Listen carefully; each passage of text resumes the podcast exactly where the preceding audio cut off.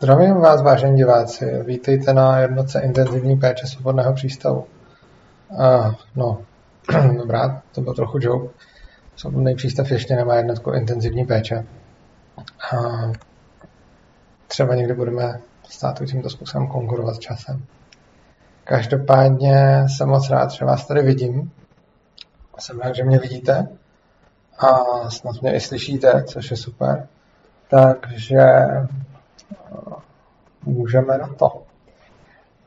No, a než začneme, tak bych vám rád vysvětlil, proč jsme vlastně tady a ne ve studiu. Já jsem se hrozně těšil na to, že takhle hned na začátek školního roku budu včera na přednášce Zdenky Stankový a dneska na, přednášce, na livestreamu budu mít ve studiu Gabrielu Ješkovou. To se bohužel nepodařilo, protože se mi povedlo se přizabít v Itálii, takže mám přes 20 zlomených kostí, něco s plícema, ale to už se v podstatě zahojilo.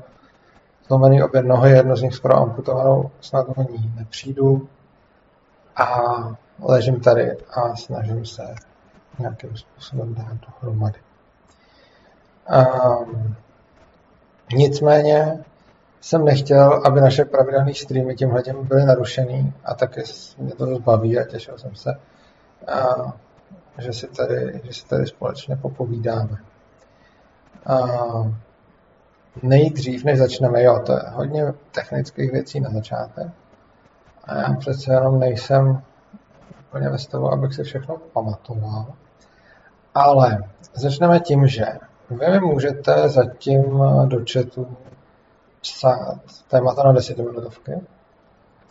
Téma bude vzdělávání, jenom bez Gabriela Ješkovýho. A ještě důležitá věc, kterou jsem chtěl říct, eh, to neznamená, že stream s Gabrielou Ješkovou bude. Gabriela Ješková je naprosto boží, já ji velice obdivuju a respektuju. A rozhodně s ní ten stream uděláme, už je to domluvený, přeložíme ho, jenom zatím ještě nevíme na kdy, ale určitě, určitě se to stane.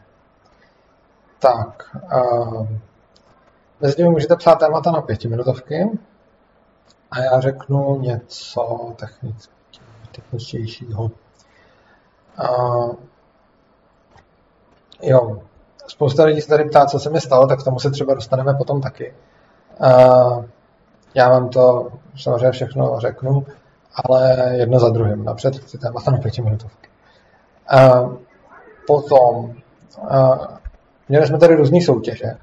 Jedna, která byla soutěž o tenisky no hate, ta byla boží a tenisky vypadají, tenisky vypadají, že jsou dost, že jsou dosti populární. O té jsme tady taky mluvili, vyhlášeno to bylo ve stokách svobodného přístavu, protože tu soutěž právě dostávali, jako právě ta soutěž byla o tom, kdo napíše nejlepší texty do stok, takže tenisky už jsou rozdaný, to byla jedna soutěž. A potom v každém roce který vždycky začíná jakoby od září a končí červnem, kdy já nevím, jestli jste si to všimli, ale studio svobodného přístavu funguje tak, že live streamy jsou vždycky mm, každý čtvrtek po první středě v měsíci, což není každý první čtvrtek v měsíci, ale většinou bývá, ale ne vždycky. A jsou uh, s výjimkou ledna, července a srpna. A v těch ostatních vždycky jako září začneme, když se svobodný přístav přepne z prázdninového módu a pokračujeme až do června. A mezi tím jste si mohli všimnout už vlastně druhým rokem, že tady, teda tady ne, ale ve studiu svobodného přístavu, když jsme ještě byli tam, tak se tady objevovaly takový krásný červený kartičky s takovými nápisama. A kdo si dal tu práci a nějakým způsobem je sledoval a potom rozluštil, co za nimi je, tak mohl vyhrát zajímavé ceny. To už tady bylo tu první sezónu, teda před, před dvěma rokama. A teď to tady bude, teď to tady bylo znovu minulý rok, takže od minulého září, teď do června. A než začneme cokoliv jiného, a než mi napíšete ty pětiminutovky, tak uh, já vám tady vyhlásím vítěze, ty nejlepší řešitele toho minulého. Takže a znovu vyhrál Radek Srb. Radek Srb je nejrychlejší řešitel a to už druhý, jako v druhém roce za sebou. Vždycky zareagoval první. Tentokrát za to dostal dvě rozbavové knížky Manifest svobody a Etiku svobody. Další byl Václav Sladký, ten dostal taky rozbardovou etiku svobody, taky dostal manifest svobody a potom ode mě si přál, abych napsal článek o střelbě ve školách. Článek o střelbě ve školách si najdete na Defensu a na Misesu, je tam teď mezi nejnovějšíma a je to vlastně, že jedna z možných výher je, že mi můžete zadat téma, o kterém napíšu. Další, kdo vyhrál, byl Adalbert, ten dostal moji knížku Anarchokapitalismus a potom dostal uh, taky manifest svobody od Rosbarda. Dalším výhercem je Jakub Topič, ten vyhrál taky moji knížku Anarchokapitalismus, Etiku svobody od Rosbarda a manifest svobody od Rosbarda. Dalším vítězem je Vojtěch Strnat, ten vyhrál jednak moji knížku Ankap a potom taky téma do studia svobodného přístavu, který jsme tady ještě neměli, protože je to téma poměrně specifický a musíme ještě vyhodnotit, jestli ho dáme jako samotný video, nebo spíše si ho vklíníme do něčeho dalšího, ale je v přípravě. Další, kdo vyhrál, je Vít Šesták. Šesták byl nedávno ve studiu, kde hm, já nevím, jestli jsme už odvysílali, spíš asi ještě ne, ale už je nahraný a dal tam spoustu svých eh, řekněme, jako připomínek. Měli jsme tam krásnou, krásnou debatu, která stála za to, takže na to se můžete těšit. Další, kdo vyhrál, byl Ondřej Krumpolec a poslední anonym, který nechtěl zveřejňovat své jméno. To je list vítězů, kterým se povedlo to vyřešit do nějaké doby. A ta doba je, že vždycky prostě to tam nechám ještě pár dní a pak to, a pak to vypnu. A ještě navíc všichni tyhle ty výherci dostali audioknihu a e-book Anarchokapitalismus. Tak. To je k té soutěži, který se můžete samozřejmě, který se můžete samozřejmě všichni účastnit. Mě to hrozně baví, baví mě hádanky, baví mě luštění věcí, takže když budete chtít a když budete pozorní, tak možná i tenhle rok něco vyhrajete. Tak jo. To by bylo k tomuhle. Jak se omlouvám za docela neoptimální kvalitu streamu. Jde o to, že jsem v Itálii a mám tady docela neblahé připojení. Koukám, že i zvuk se mi trochu... Teda nevýhodu totiž, že Moje nevýhoda je, že normálně, když sedím ve studiu, tak to mám prostě vedle sebe Osta nebo Teresku a ještě v režii někoho. A teď to tady musím dělat všechno sám na počítači a ještě k tomu mám jenom omezený počet končetin, takže, takže se omlouvám jednak za kvalitu obrazu, kterou jsem musel snížit, protože jsem před vysíláním zjistil, že prostě takhle z Itálie neodvysílám. A to jsem si koupil teď u operátora ten úplně nejvíc namakaný tarif na data, abych jenom takhle na měsíc, abych vám mohl tady zastreamovat, ale ono to stejně nestačí, takže máte nižší kvalitu všeho. Ale aspoň co jde. Dobrá, takže to by byly technické připomínky. K čemu se dostaneme dál? Zkusíme se dostat k nějaký pětiminutovce. Já to tady pro, prohrábnu.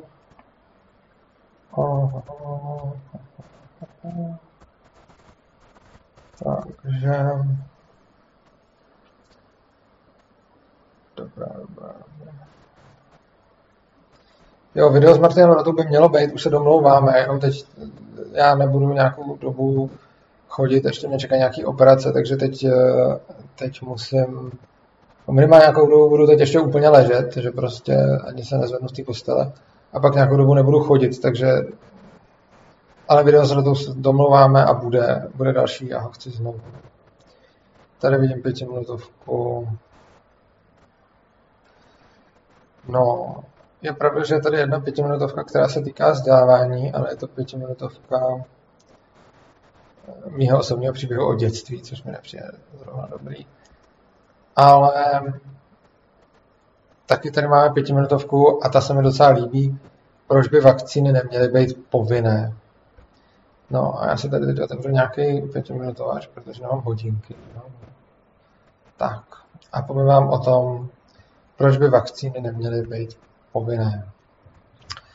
Uh, ono, vakcíny by neměly být povinné zejména proto, že bychom neměli mít právo nikoho nutit k tomu, aby se nějakým způsobem léčil nebo aby vpravoval do svého těla nějaké látky, který tam vpravovat nechce. Což znamená, že pokud někdo prostě odmítá léčbu, pokud někdo odmítá uh, pokud někdo odmítá jako cokoliv, tak bychom ho k tomu, tak bychom ho k tomu neměli nutit. Jo. To je celkem jednoznačně to vychází z principu neagrese a vlastně jako není moc dál, není moc dál o čem. Prostě když si někdo nepřeje nějakou léčbu, tak já ho nemůžu léčit. Podobně jako když prostě vidím někoho, kdo by venku měl já nevím, zlomenou ruku a přál by si jí tam mít dál zlomenou, tak já prostě nemám žádný právo tam jít a začít mu ji fixovat. Nicméně, kde se řekne A, je potřeba říct i B, tak konkrétně u těch vakcín říkám ještě to B. Všichni by samozřejmě měli mít svobodu ostrakizovat ty lidi, kteří nejsou vakcinovaní, pokud si to tak přejou. Což znamená, že na jednu stranu jsem sice proti tomu, aby bylo povinné očkování, ale na druhou stranu si myslím, že každý zaměstnavatel třeba by měl mít možnost nezaměstnat někoho, kdo není očkovaný. Stejně tak každý provozovatel nějaké služby, ať už je to hromadná doprava nebo cokoliv jiného, by měl mít možnosti neočkovaných vyloučit. Takže prostě je tady vlastně, jsou tady dvě určité svobody, kdy jedna svoboda je jako nenechat se očkovat, budíš, ale druhá svoboda je taky nést za to, nést za to následky. Krom toho si myslím, že ve volnotržní, eh, že ve volnotržní společnosti eh, by se to projevilo i na ceně zdravotního pojištění. Takže například jako dneska eh, je to tak, že když je někdo jako antivax a třeba nenaočkuje svoje děti, a teď nemluvím jenom o vakcíně na covidu a podobně, tak za to má od státu nějakou docela směšnou pokutu, která se stejně nějak moc jako ani nevybírá. Což je podle mě špatně, protože stát by to neměl pokutovat a neměl by to vynucovat. Na druhou stranu měly by být jako se na druhou stranu nějaký tržní mechanismy, kdy každá zdravotní pojišťovna by měla mít právo si říct, jako hele, tenhle člověk není naočkovaný, tak v tom případě uh, já mu tu smlouvu buď nedám, nebo mu, mu ji dám desetkrát dráž, nebo prostě cokoliv jiného, nebo si do ní dám nějakých jako omezujících podmínek. Takže prostě v zásadě je to jednoduchý.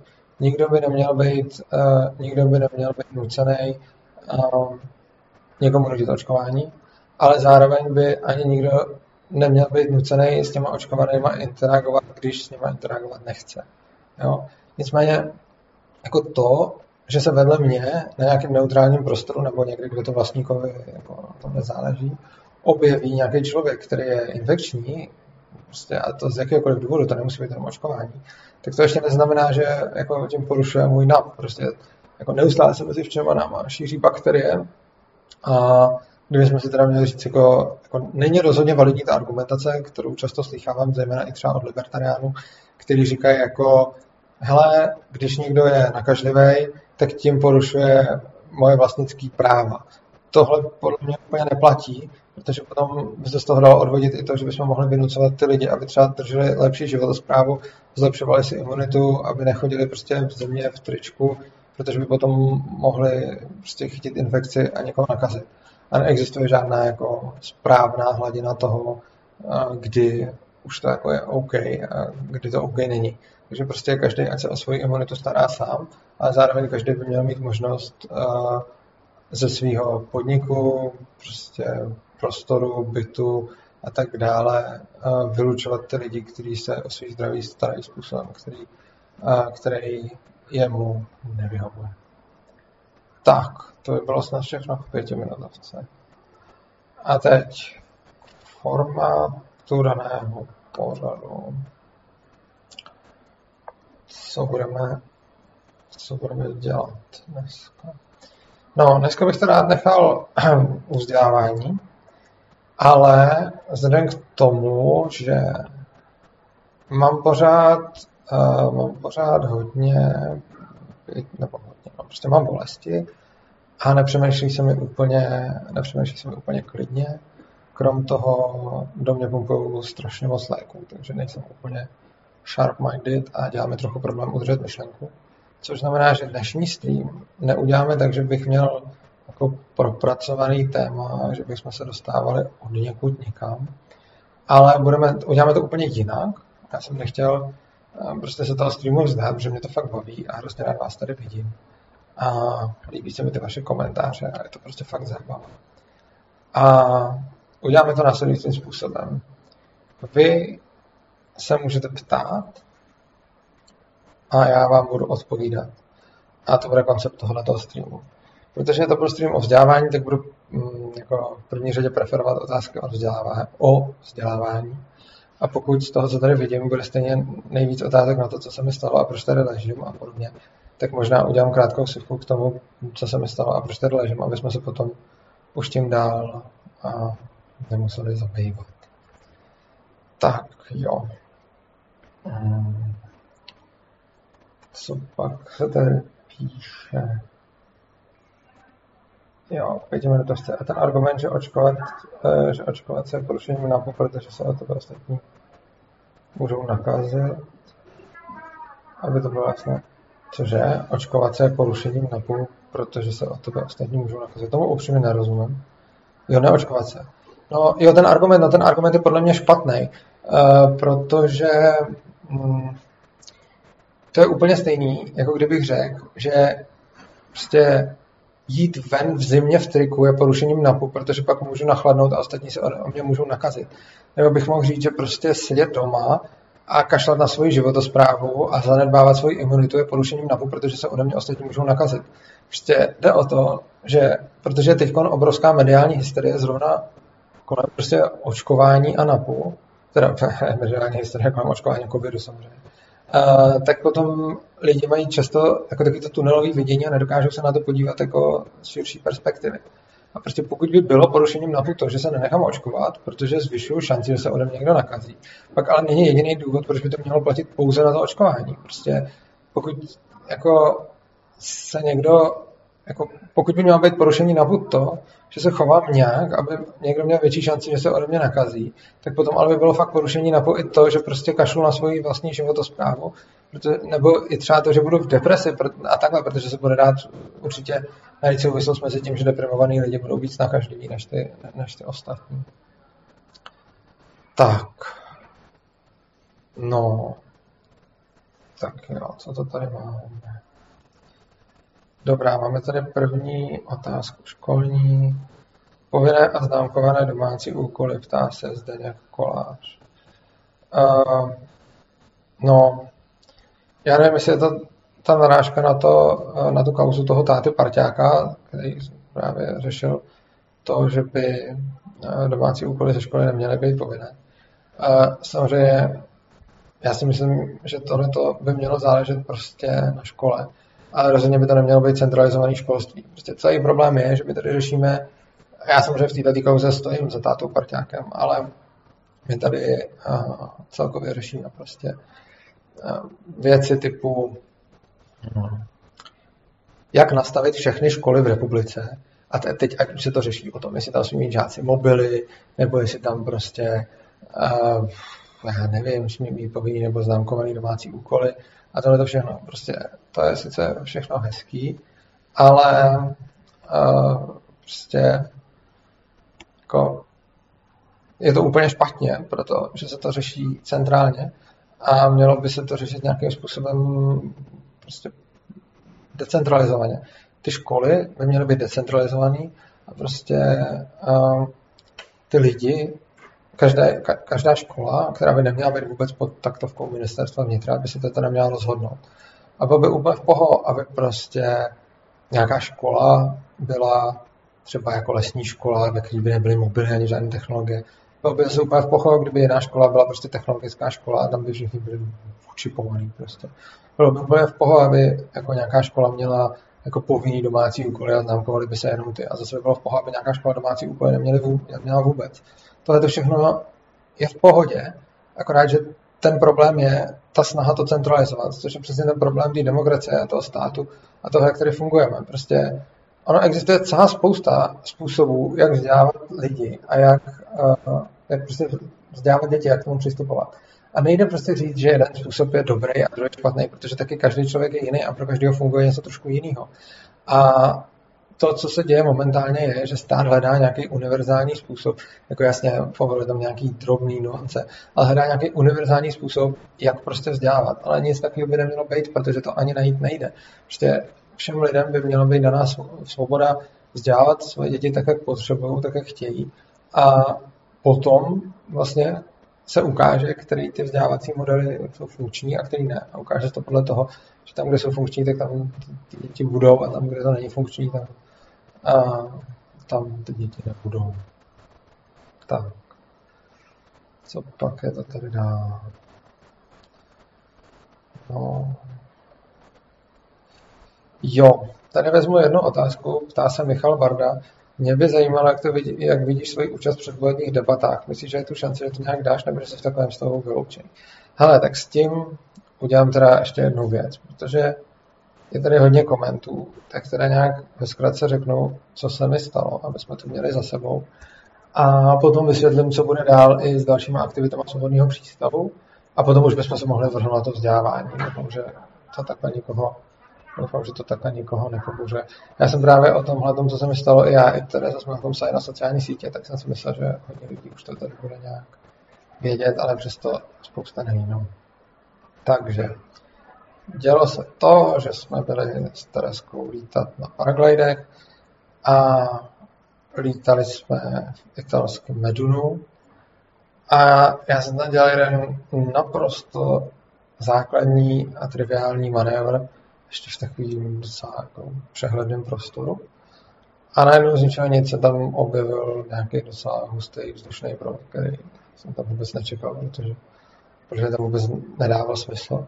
Každopádně se tam objevil a výsledkem bylo, že mě ještě rozkýval a potom mnou dost značnou rychlostí mrsknul o skálu, co tam máme. A, takže a výsledek toho byl, že jsem tam naštěstí stihnul nastavit nohy, protože jsem viděl, že tam letím fakt, protože jsem viděl, že tam letím fakt velkou rychlostí, tak jsem ještě to poslední, to jsem udělal, byl nějak řídit ten pád a nastavit tam nohy, protože to by asi bylo po mně, kdyby se mi to nepovedlo. A toto jsem teda rád.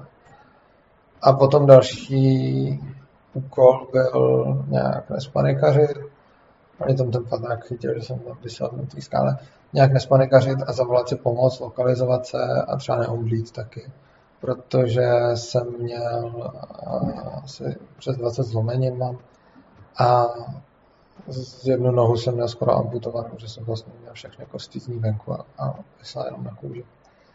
A no, ale naštěstí jsem tady nějak zůstal v klidu, zavolal jsem si pomoc, a poslali pro mě helikoptéru, akorát, že to, akorát, že jak jsem tam myslel na té skále na tom paráku, tak on parák, když k němu přeletí jako helikoptéra, tak má tendenci se hodně nafouknout a případně i lítat, což eh, se právě také ohlásilo ty vysílačky, aby se nestalo, takže oni tam nemohli přímo za mnou, takže museli přistát kousek vedle.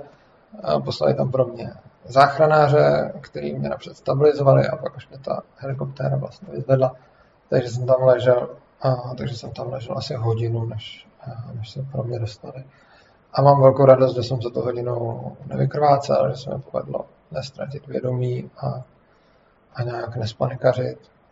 Že jsem nějak ještě i komunikoval teda vysílačkama s ostatníma, s Tereskou která se tam o mě skvěle stará. A co je dobrý, jo, to jsou taky samozřejmě různý, už jsem dostal několik a, různých impertinentních poznámek na téma, a, jakože to, co bych bez, bez toho státu počal a že ať jsem vděčný za to státní zdravotní pojištění. Zrovna tohle není ten případ, protože jsem uzavřel komerční zdravotní pojištění který má ještě docela vlastný příplatek právě na tyhle ty případy, protože když jste amatérský pilot, tak se pojišťujete mnohem dráž, takže tady ani naležím za státní peníze, ale za peníze ze soukromého, ze soukromého pojištění. No takže mě vzali do vrtulníku, potom mě přinesli do nemocnice, kde mě nějak prostě stabilizovali, zachránili mi život, což bylo super. A tady otázky, mezi těmi otázky, cože, co se ti stalo, jak je ti teď? Teď je mi, no tak všechno mě bolí, ale jsem šťastný a spokojený a myslím, že jsem jako hrozně rád na světě, protože teď je trochu jako oprus, že ležím v jedné poloze na posteli, protože mám zlámaný žebra, obratle, nohy, ruku a to znamená, že se nemůžu pohnout. A když se potřebuji pohnout do 10 centiáků, tak na to musím volat sestry, protože mám zakázáno se jako hejbat, což je extrémní oprus. A, a, ale vlastně zjišťuju, že i takhle se mi na světě líbí a je mi vlastně hezky. A jak jsem tam vydržel hodinu v těch bolestech, ptá se Petr Korecký, já nevím, no, jako, nevím, mně to asi nepřišlo, že by to byly až tak hrozný bolesti, jako bolelo to, ale prostě hlavně jsem byl přepnutý do takového toho, že potřebuju, že potřebuju přežít. Ale nebylo to asi, nebylo to asi nějaký jako, nějaký jako hrozný. Uh, se ptá na moje rozmnožovací orgány, jestli budou OK a jestli budou urzátka. Nevím, jestli budou urzátka, rozmnožovací orgány jsou asi OK a myslím, že budou OK. Jediný, co mi hrozí, je, že přijdu o nohu, ale snad o ní nepřijdu. Tak. Uh, na jibce nehraju Vovko, protože ono Ono to je tady docela vysilující, jako já jsem si teď ten stream, protože mi to hrozně baví, protože s váma chci být. A teď jsem byl na jedné online konferenci asi včera nebo předevčírem Deloitu. A ta byla asi tři hodinová a já jsem tam vydržel jenom hodinu, protože prostě pak už je člověk, pak už je člověk moc unavený. No, každopádně mě donesli do té nemocnice a musím říct, že italský personál anglicky mluví jak který, ale co je na nich hrozně zajímavý, a to mě fakt jako překvapuje, to moc nechápu. Oni tady také asi budou mít nějaký podstavy z toho, co sleduju, a taky asi tady budou mít nějaký prostě problémy, ale jsou úplně extrémně milí. A to je něco, co, to je něco, čemu moc jako nerozumím, a, protože jsem zvyklý na nemocnice, že jo, v Čechách. A prostě tady už ležím týden a ještě navíc se kolem mě jako kmitá extrémní množství doktorů, sestřiček a všeho možného personálu. A fakt jako musím říct, že jsou jako aktivně milí. Nejenom jako, že by nic, ale jsou jako fakt aktivně milí. A vlastně za celou dobu jsem tady natrefil na asi jednoho člověka, který se choval tak klasicky, blbě, asi tak jako, když přijete do české nemocnice, tak už ho potkáte někde tak ve vrátnici. Takže to je tady dobrý. A, takže starají se o mě, starají se o mě dobře. A, a mimochodem já jenom chci říct, že nesnáším takový ty, jako jak vždycky všichni říkají, takový to jako v Čechách je to na hovno a všem v zahraničí je to dobrý. Já si myslím, že v Čechách je to všechno boží. Já jsem jako, já Čechy stejně nejradši ze všeho.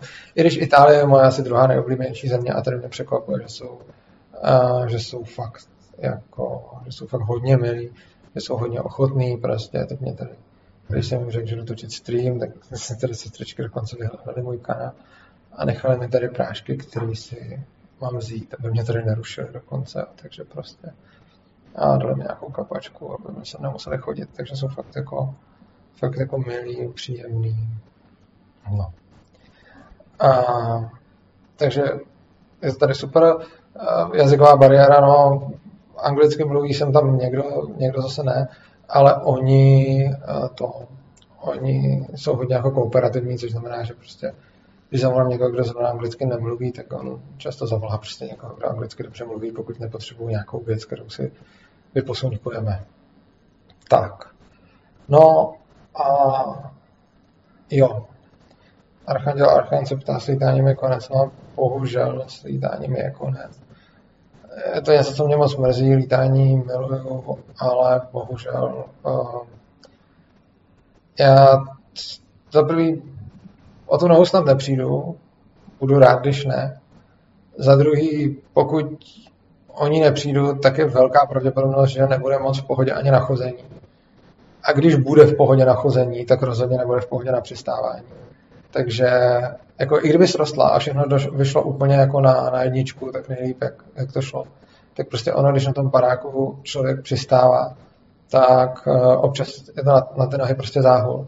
A v momentě, kdy budu mít tu nohu vlastně úplně komplet sešroubovanou, uh, tak je možný, že by to nedala a já prostě to nechci si zkoušet takhle crash testem. Samozřejmě nebejt toho, tak bych určitě rád dál lítal. Asi teda. ale ono se to prostě rozhodlo, ono se to prostě rozhodlo za mě, lítání je super, ale tak beru to, v tandomu samozřejmě můžu lítat. Ale um, beru to zase tak, to připadne nějak na zadek. Ale beru to zase tak, že jsem měl obrovskou příležitost k tomu vůbec lítat a strašně moc si toho vážím, protože prostě já nevím, no, teď, teď už lítat nebudu, na druhou stranu lítal jsem několik let a to bude fakt krásný a jsem vděčný za každou hodinu, kterou jsem strávil ve vzduchu a i když teď už dál nemůžu, tak prostě jsem si zažil hodně krásných věcí. Já se díky Insiderovi, já si taky myslím, že jsem mladý a že to sroste a myslím, že budu nějak asi, asi v pohodě chodit.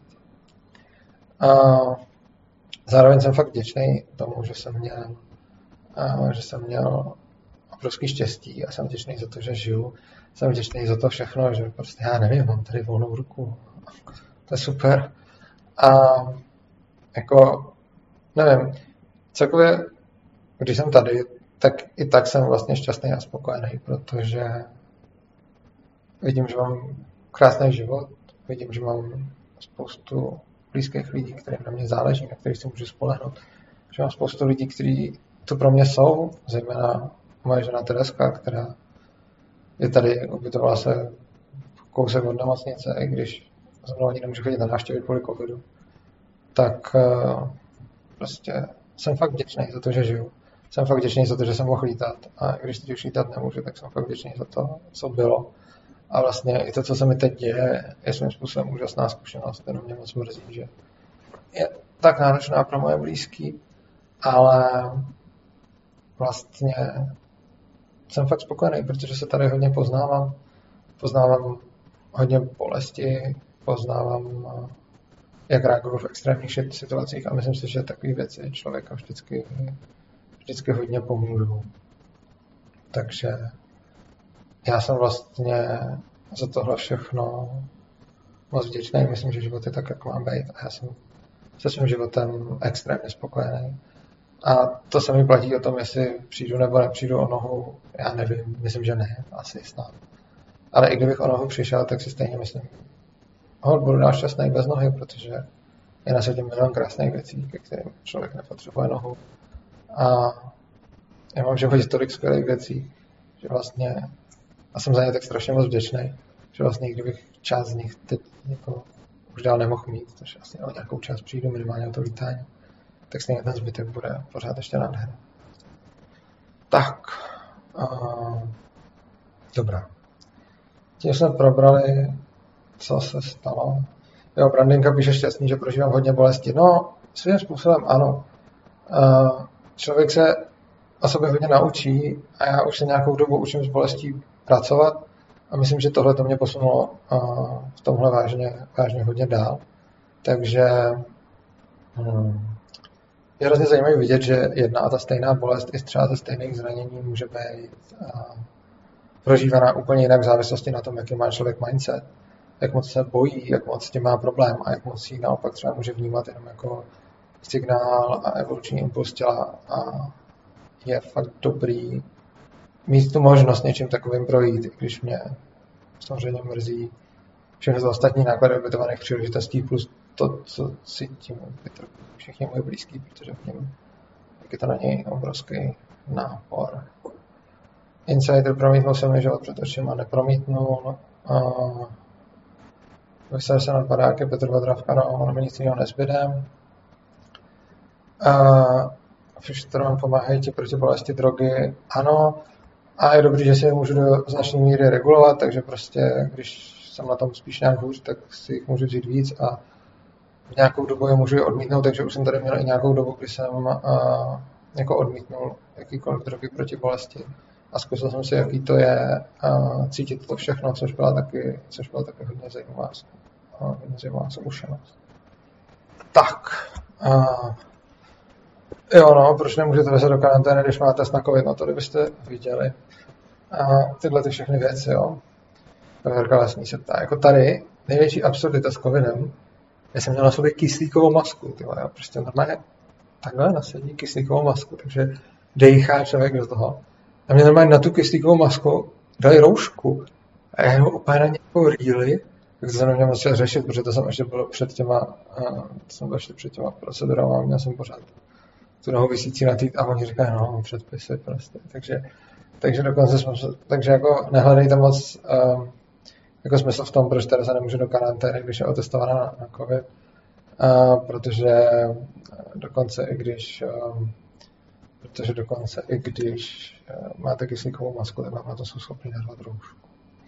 Urza, uh, Tomket píše, Urza opiáty jsou skvělí, do mě poprvé na ve 13 letech a snad líp než životě nebyl. Upřímně nesouhlasím, mě opiáty přijdou strašně nudný, otupují mě a třeba já jsem měl nějaký opiáty v sobě na ten, na tu konferenci a byl jsem hrozně mimo a teď třeba schválně žádný opiáty nemám. Si to nějak volí, ale myslím si, že můžu být mnohem líp při věci.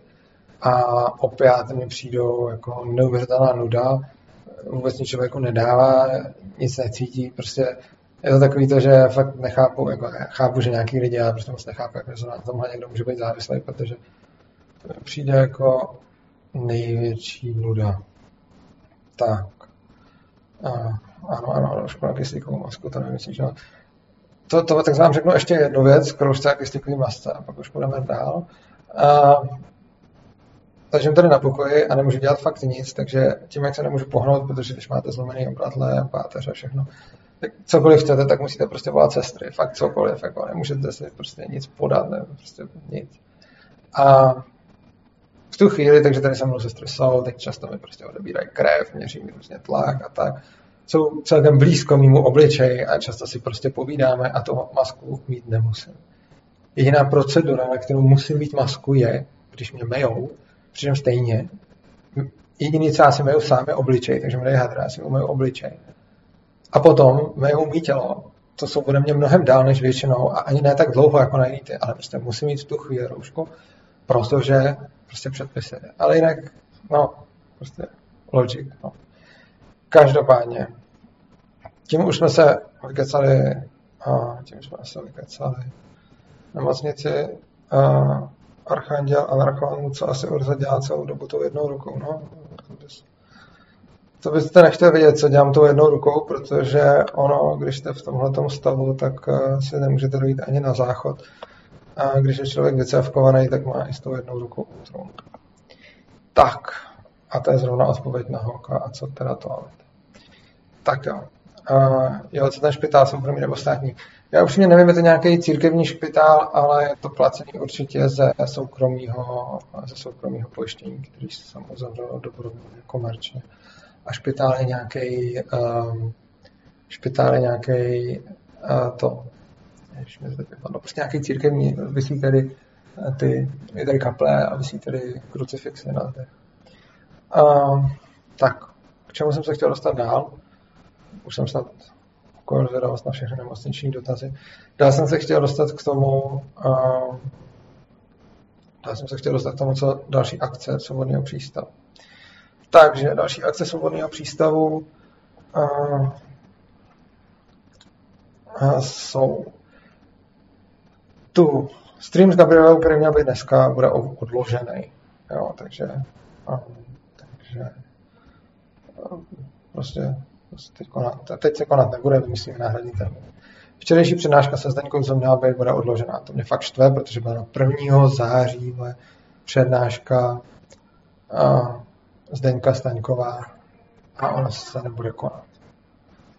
Uh, no nicméně, co se týče, tady byly otázky na, na ty volby a na tu stranu. A mně by bylo hrozně moc, a, když to napíše, ale soukromé pojištění pokrývá celou léčbu, nevíme, tohle víme. Já to vím, protože znám podmínky toho pojištění. Takže, co, hmm, co ta předvolební strana. Mně by bylo hrozně líto kvůli tomu, co se mi stalo, vyhodit všechno vaší snahou, všechny vaše podpisy a prostě fakt si cením důvěry, kterou jste nám dali. Fakt si cením toho, kolik jste dali eh, světlušku na konferenci, za chvilku odpovím. Fakt si cením toho, kolik jste nám dali důvěry, fakt si cením toho, mm, kolik jste nám dali podpisů a jak moc jste se pro nás snažili a rozhodně to nezahodíme. Takže, co to znamená? Za prvý, už na dovolený, ještě, jo, tady píše Zdeňka, že to je a těší se, až její přednáška bude, bude a já se na ní taky těším. A neodpovídej mi na konferenci dřív, než to udělám já. Já jsem chtěl vydržet v napětí.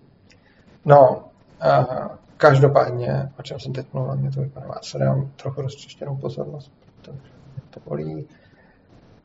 A... Jo, mluvil jsem o tom, o té politické straně. A podpisy zůstanou sice i do všech ostatních voleb, to, je, to máte pravdu, ale já chci využít tyhle volby.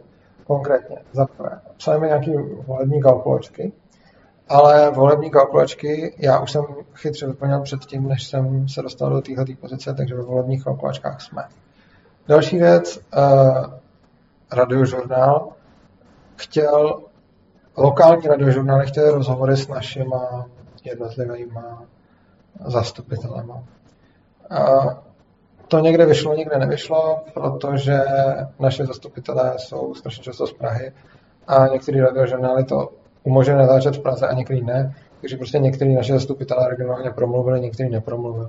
Tohle bylo celkem uh, unexpected, protože jsme vůbec nevěděli, že se s tím takhle ozvou a hlavně se s tím ozvali na extrémně poslední chvíli a nedalo se s nimi dost dobře komunikovat. Tak. Uh, Potom ale jsou tu další věci. Nejlepší věc ohledně těch voleb je hmm, nejlepší věc ohledně voleb je, že mě pozvali do DVTV. Do DVTV mě původně poslali na 7. září, jenomže 7. září bohužel budu v horším případě ještě ležet eh, tady v Itálii a v lepším případě budu někde na operaci v Čechách. Mě ještě čeká několik operací právě. Zatím mi udělali jedno a ještě několik jich, několik jich musím podstoupit. Uh, no a jde o to, že DVTV teda jsem měl jít na 7. září, ale já jsem jim zavolal a nějak jsem si to s nimi domluvil, že to posunuli na 30. září a ještě, že to uděláme nějaký cripple friendly v závislosti na tom, uh, jestli budeme moct chodit, nebo jestli budeme moct chodit, nebo ne. Takže DVTV určitě bude. Uh, Ondřej Krumbolec se ptá, na které volební kalkulace se nachází Urzová volební strana, nikde jsem to nenašel. Uh, já upřímně nevím, já jsem žádný ty kalkulačky nevyhledával, já jsem jenom reagoval na ty, uh, který jako se ozvali mně, takže to. Um, DVTV teda bude a je domluvený, že se tam buď nějak dobelhám, anebo že bychom to nějak udělali online, nebo prostě DVTV vyjde. Uh, Další důležité věci, které jsou, jsou, že do České televize a Českého rozhlasu chceme dát nějaké předvolební klipy. Česká televize a Český rozhlas dají, já teď nevím kolik, asi 14 nebo 22 nebo několik takových hodin k tomu, aby vysílali 30 sekundový, respektive minutový klipy každé té strany. A ty musíme dodat. A co se týče České televize, tak to jim dodat stihneme, protože tam mají nějaký termín, ve kterém bych snad už teoreticky i mohl být doma a my bychom to nějakým způsobem eh, natočili. Už teď na tom pracuju a už teď mám vymyšlený nějaký jako předběžný texty, samozřejmě eh, snažím se teď nepřepínat, takže, takže jako bude to, ale pomalu, ale česká televize bude v pohodě, to stihne. Český rozhlas má tam nějaký docela šibeniční termín, a původní plán teda byl, že to nějak jako natočíme třeba s Tereskou ve smyslu, že ona bude někde, já budu někde, teď to nějak namluvíme a já to tady pak sestříhám. Jenže blbý je, že to jsem vymýšlel v době, kdy jsem ještě neměl uh, tuhletu, tuhletu sádru. A když už tuhletu sádru mám, tak se mi hrozně blbě pracuje s počítačem. Ale myslím si, že i to nějak bude. Takže česká televize podle mě ohrožená není. Český rozhlas uh, ohrožený nějakým způsobem je, ale spíš bych řekl, že jenom kvalita, protože v nějaké kvalitě tam něco dodáme asi. A jinak DVTV ohrožená není a všechny, a všechny ostatní věci ohledně strany jakým způsobem zvládneme. Takže i když to přišlo teď zrovna, i když to přišlo teď zrovna v dvou chvíli, tak to vyjde. Ale další věc je, že vlastně můžete to brát tak, že i kdyby třeba nebyly klipy v klipy radiožurnálu, tak už tím, že jsem, je tady jako docela jako blbá náhrada, ale tím, že jsem uh, spad z toho paraglidu, tak už o mě vyšlo v blesku a na nově, že jsem se tam rozlámal a ve obou dvou těch uh, případech tam uvedli tu stranu, takže aspoň nějaká reklama navíc. no a jestli by to nešlo se stříhat z těch posledních, co jsem natočil. Ne, tohle to není dobrý způsob, prostě je potřeba to udělat nějak, aby to, Jiří Westfaj se ptal, jestli by to nešlo stříhat z těch posledních, co jsem kdysi natočil. Ne, ne, ne, tohle to je potřeba udělat nějak prostě rozumně, oslovujeme nějakou úplně jinou cílovku. A jako samozřejmě, že bychom dosta- dokázali jako nějaký obsah tam prostě dodat. Já si tady můžu vzít telefon a tímhle hlasem říct prostě do telefonu, hej lidi, buďte Anka, prostě vzájemná dobrovolnost, decentralizace a podobně. A my spíš jako chceme, aby to mělo nějakou úroveň a pokusíme se jí, pokusíme se jí dosáhnout. A neradi bychom si to nechali ujít, takže, takže uvidíme. Taky bude ještě záležet, jakým způsobem, mm, jakým způsobem budou operace, a další věc je, že se do mě dává nějaká infekce, což je pravděpodobně z té otevřené zlomeniny a mývám nějaké horečky, takže to ještě taky může ohrozit nějakou moji, nějakou moji jako akceschopnost. Nicméně tohle to nějak bude. Nejdůležitější věc, kterou vám chci říct, a ona už tady teda Zdeňka vyslepičila, a nejdůležitější věc, co vám chci říct, je, bude konference. Konference prostě bude 18. září. Je to pro mě další jako vlastně bolestivá věc z toho důvodu, že a, tam nebudu. A, protože 18. září se ještě nebudu chodit. A, a takže to je něco jako, že nebudu lítat, tak ani nebudu na konferenci. A zrovna na tuhle konferenci jsem se fakt těšil, protože je to konference svobodného přístavu, je to konference o vzdělávání. Ale nechci vám ji kvůli tomu brát, nechci, aby někdo přišel, protože tam já nemůžu být. Takže ta konference proběhne, protože mám úžasnou ženu Teresku, protože máme skvělý realizační tým té konference, z nich spousta z nich je teď v tom chatu a já vám tím moc děkuju. A už na minulé konferenci jsme se naučili nějaký jako best practices, jak tyhle věci dělat. A zjistili jsme, jak prostě tu konferenci pořádat, takže když už to víme.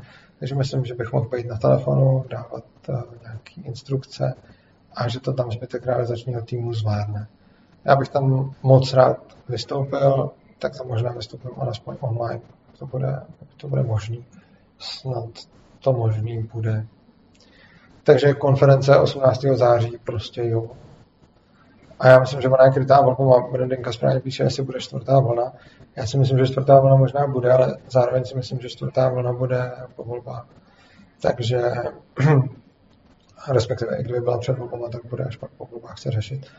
A, takže myslím, že těch, že to 18. září to prostě vyjde. A doufám, že si tu konferenci užijete. Ještě teď je to úplně líto, když to říkám a uvědomuji si, že tam nebudu. Ale chci, aby se to stalo, takže rozhodně go, go, go. Co se týče všech našich aktivit, tak si myslím, že děláme všechno pro to, aby byly co nejméně narušeny. Děláme všechno pro to, aby prostě tohle moje zranění nás nějak eh, nezbrzdilo. A já budu teď asi muset několik týdnů ležet a pak několik měsíců se nějak učit chodit nebo něco takového. Takže uvidíme, jak to bude, jak to bude vypadat, což je, což je oprus. Ale prostě fakt se pokusíme a je hrozně dobrý, že mám kolem sebe v svobodném přístavu fakt neuvěřitelně spolehlivý a skvělý tým lidí, se kterými vymýšlíme jak a co. Zejména s Tereskou, ale se všema ostatníma. A prostě myslím si, že prostě dokážeme to udělat tak, aby tohle moje zranění nebylo nějakým způsobem ke škodě tomu všemu, co děláme, protože já si šíleně moc jako vtěčím toho, co pro nás děláte, toho, jak nás podporujete, toho, kolik nám dáváte, kolik nám dáváte prostě jako podpory, a to nejenom finanční, ale i prostě energie, času, pomoci, rád a úplně všeho. Takže, takže tak, no. já se extrémně snažím Brandinka píše, že v kalkulačce rozhlasu nejsme, to si dělá.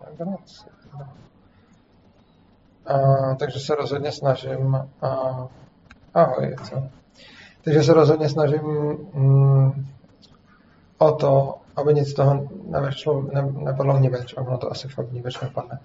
Brandinga 102 píše, že v kalkulačce v rozhlasu nejsme, což upřímně nechápu, protože pro rozhlas jsem tam dodával ještě během dovolený jako neuvěřitelného textu, tak nevím, tak nevím. Prostě, no. A, tak. A teď uděláme následující věc. Já tady mě už přišel čas na prášky, takže já mám prášky, já tím odstartujeme to že už nebudeme mluvit o tom, co se mi stalo a o tom, co bude řešit přístavem. A začneme dělat něco jiného a to vyptávat se na školství, případně když nebude školství, tak nějaký jiný věc. A teď už bych upřednostnil spíš ANKAP a neřešit uh, nějaký zdravotní stav, nebo tak, protože o tom už jsme tady vypatlali hodně. Tak.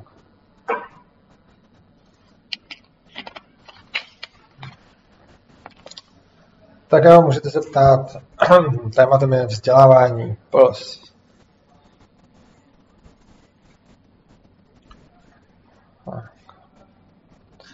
A tohle bohužel nejsou drogy hype, to jsou spíš drogy down. Tak co, máte nějaké otázky ke vzdělávání nebo k jiným věcem v ANKAPu?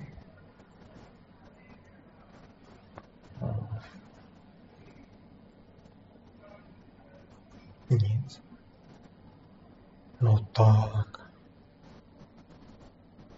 Přece nebudeme povídat celý stream o tom, jak jsem se někde zrakvil na paraglidu. To by bylo hloupý.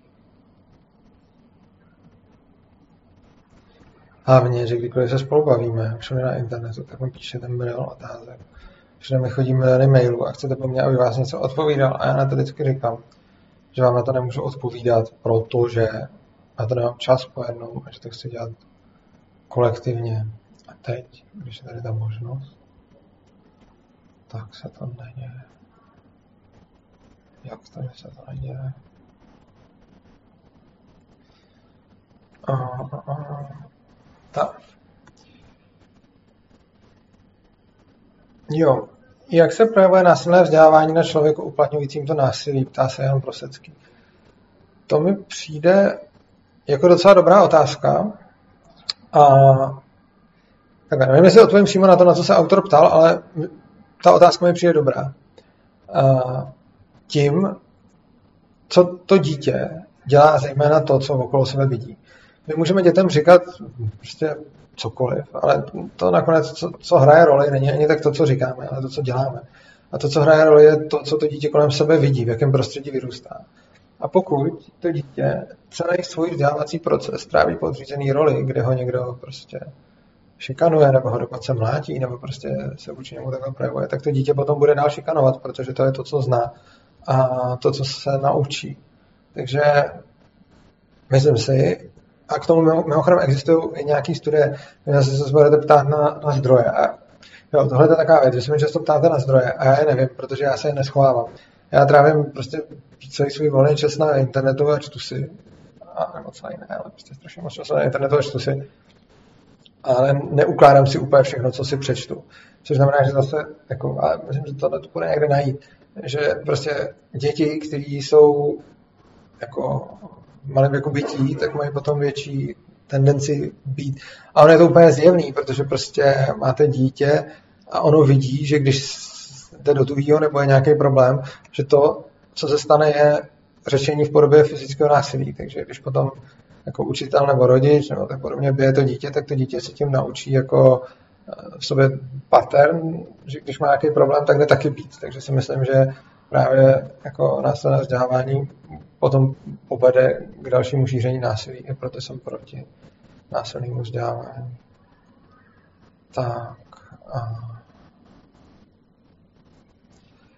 A Brandinka 102 píše, pro stát je podle mě důležitější vlastně školství to, že funguje jako úschovné dětí, aby mohli rodiče do práce, že tu propagandu zase tak moc nejsou schopni moderovat. A je to možný, myslím si, že ta úschova dětí je to často pro ty rodiče prostě, no. A jako jasně, ale ty školy nemusí být vlastně státní. Ty rodiče můžou chodit do práce a dávat ty děti i do školy, která by nebyla tím státem nějakým způsobem ovlivňovaná. Byla by to decentralizovaná škola, takže by tam ta propaganda nebyla. A Jiří Cakirpáloglu, jak co nejjednodušeji založit svobodnou školu. No, to podle mě jednoduše nejde, ale víte co, tuhle tu otázku si nechte, až tady budeme mít ten stream z Gabrielové školu, protože ta je uh, v zásadě odborník na slovo zatej, takže na tohle se určitě ptejte Gabriely. Tak.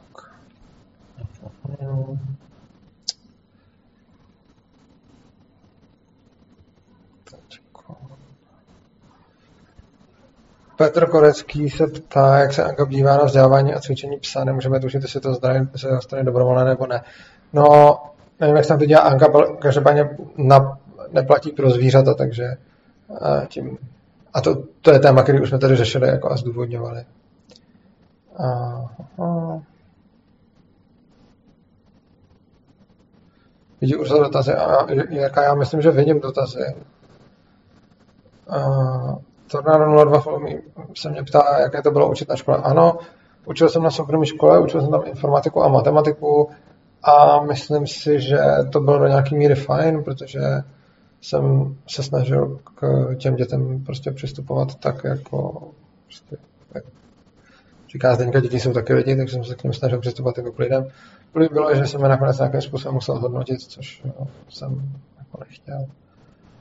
Uh, ale jako mě zase baví určitě, je to, je to úplně stejné, jako mě baví prostě přednášet, akorát eh, jako proto ty čtyři lidi tam musí být a ne, jako tady jste vy, který mě chcete poslouchat a proto tady jste, ale jako nelíbí se mi být někde, kde jsou lidi, kteří tam jsou jenom proto, že mě poslouchat musí, jo, takže, takže tak. Mm-hmm. Tady dál se někdo ptá. Jak vidíš problém s inkluzí v soukromém vzdělávání? No, v soukromém vzdělávání, pokud by to bylo fakt volnotržní vzdělávání, tak si myslím, že to ten problém není. Ptá se Bobo Závěš. Myslím si, že se to řeší tím samo. Prostě ta škola, která tu inkluzi tam bude chtít mít, tak ji bude mít a ta škola, která nebude, tak, eh, tak ji tam mít nebude prostě. A, a to je vlastně celý. A pak záleží jenom na těch rodičích a dě, dětech, eh, co si vyberou a jako, co, co budou chtít. A, na koho se vztahuje povinná občanská otázka včera, ptá se Hol 9000. Je to odvozené od rezidence nebo od občanství? Myslím si, že je to odvozené od občanství, ale myslím, že je na to nějaká podmínka, že pokud to dítě tady není, pokud je víc než půlku roku pryč, tak se to na něj nevztahuje, ale upřímně nejsem si jistý. Teď bych kecal, vím, že je to nějak takhle a vím, že to je nějaký složitější, ale um, prostě nevím přesně, no, to takhle v hlavě. A Atomic Swap Moneru nebudeme řešit, to není vzdělávání. Jak vidíš problém s inkluzí v soukromém vzdělávání? To už jsme tady odpovídali. Ankap 6. Jo.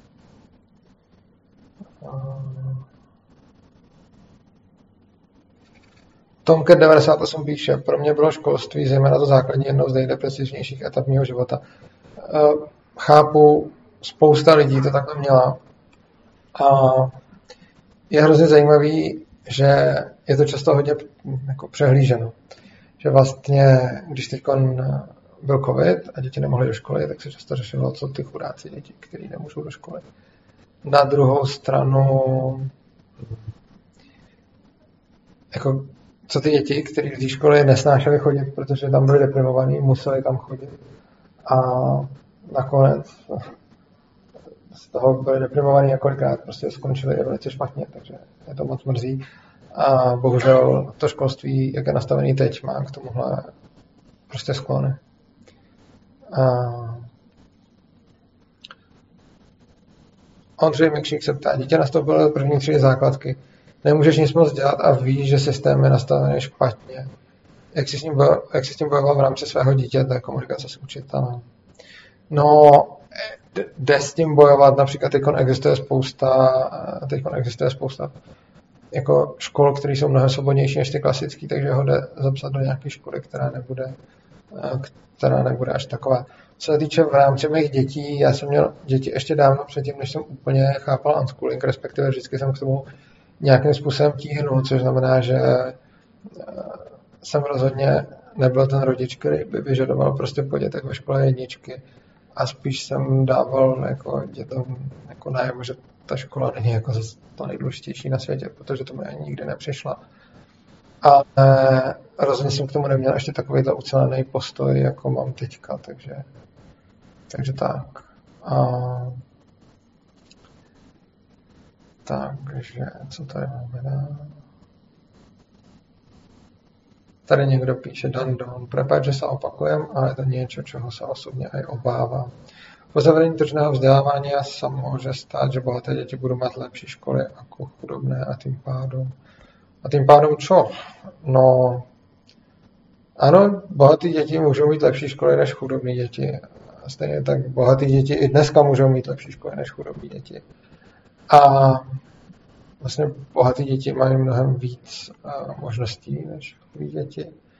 Takhle to je, bylo a bude. A úplně si nemyslím, že se s tím dá něco dělat. Prostě lidi pocházejí z různých socioekonomických podmínek a nemyslím si, že je to nějak nutně špatně prostě každý vycházíme z něčeho. Pro někoho je to, že je jako dítětem bohatých rodičů něco, co, co prostě využije dobře do svého života. Někdo je zase dítětem bohatých rodičů a stane se takzvanou zlatou mládeží. A výsledkem toho potom bude, že si toho nebude vážit a naopak zase někdo, kdo se narodí do chudých eh, poměrů, tak ho to může motivovat. Takže prostě, jo, jsou bohatí a chudí lidi a bohatí a chudí lidi mají děti a ty děti mají naprosto rozdílný světy a rozdílné možnosti a myslím si, že to nikdy nebude Myslím, že to nikdo nebude jinak. Uh, video 1818. Proč jsi tak jistý tím, že by nebyla v decentralizovaném školství propaganda? Skvělá otázka. Uh, tohle, tím si jistý nejsem. Já jsem si naopak jistý, že by v decentralizovaném školství propaganda byla a pokud jsem uh, řekl něco, co to vylučuje, tak se za to omlouvám ale jsem si celkem jistý tím, že v decentralizovaném školství by to nebyla jedna centrální propaganda tou stejnou věcí. Takže věřím tomu, že v decentralizovaném školství by byla tu škola, která bude mít prostě propagandu nějakým náboženstvím, tu škola, která bude mít propagandu prostě nějakým politickým směrem, tu škola, která bude mít zase propagandu nějakým směrem. Prostě určitě ta propaganda je neoddělitelná. Je o to, že když učitelé učí, tak prostě, no, prostě když jako se snažíme vzdělávat děti, tak se nevyhneme tomu, aby jsme jim předávali své hodnoty, oni se berou stejně sami, takže prostě, já nevím, z mých dětí jsou víceméně anarchokapitalisti a respektive ze dvou úplně z, jedný, tak nějak. A, ale rozhodně jako jsem se o to nikdy jako cíleně nesnažil, ono se to prostě stalo. A myslím si, že to, co vadí, je, když celá společnost je podrobená té stejné propagandě a je integrovaná tím samým. Když naopak prostě bude každá škola uh, odrážet trošku jiný názorový směr, tak to pak vznikne skutečná pluralita. Ne to, čemu se tak říká v demokracii.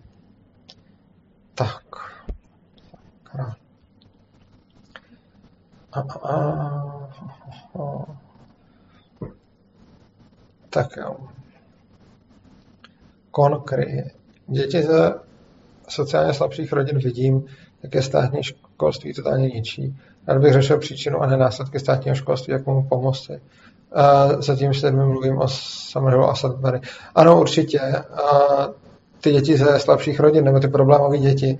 Máme jeden případ, který se stal někde na Slovensku, že byla rodina, měla dítě, který bylo absolutně prostě mm, jako pro tu školu nezvladatelný a problémový a Bůh ví co všechno.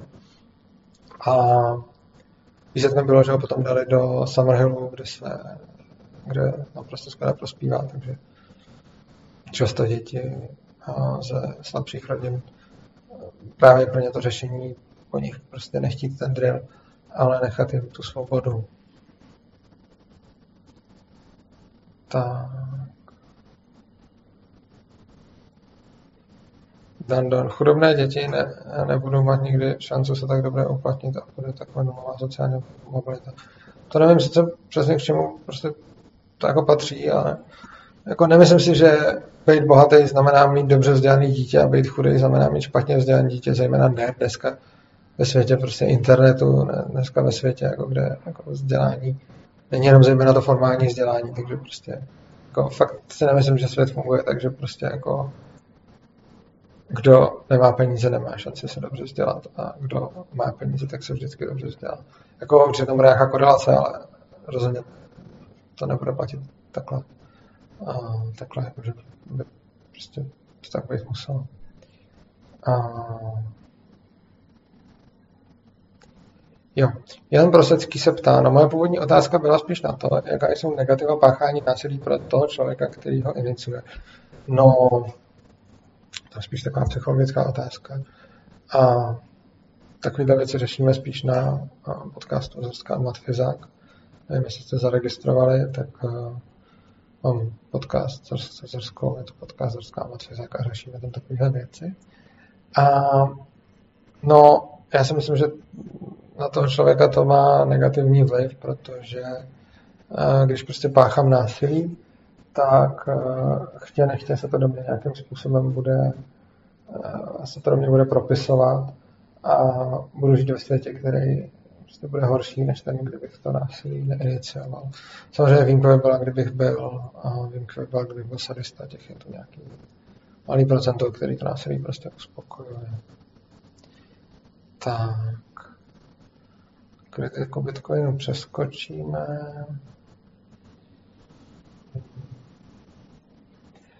Archanděl Archon myslí, že by v Ankapu chodili děti s rodiči do práce dělat podržtačku a odkoukáváním by se učili. Některý možná ano, některý ne, těžko říct. To, to, to. Ono takhle. Tam strašně moc záleží na, jako na tom, jak je na tom sociálně ta společnost. Prostě v chudé společnosti tohle bude daleko pravděpodobnější, ale v bohaté společnosti bude daleko pravděpodobnější, že ne. A tam nejde jenom o, o jako majetek té konkrétní rodiny, ale o celkově jako vyspělost nebo spíš materiální za, zajištění té společnosti. Takže myslím si, že čím víc bude společnost bohatá, tak tím méně budou děti s rodičema dělat podržtaško v práci.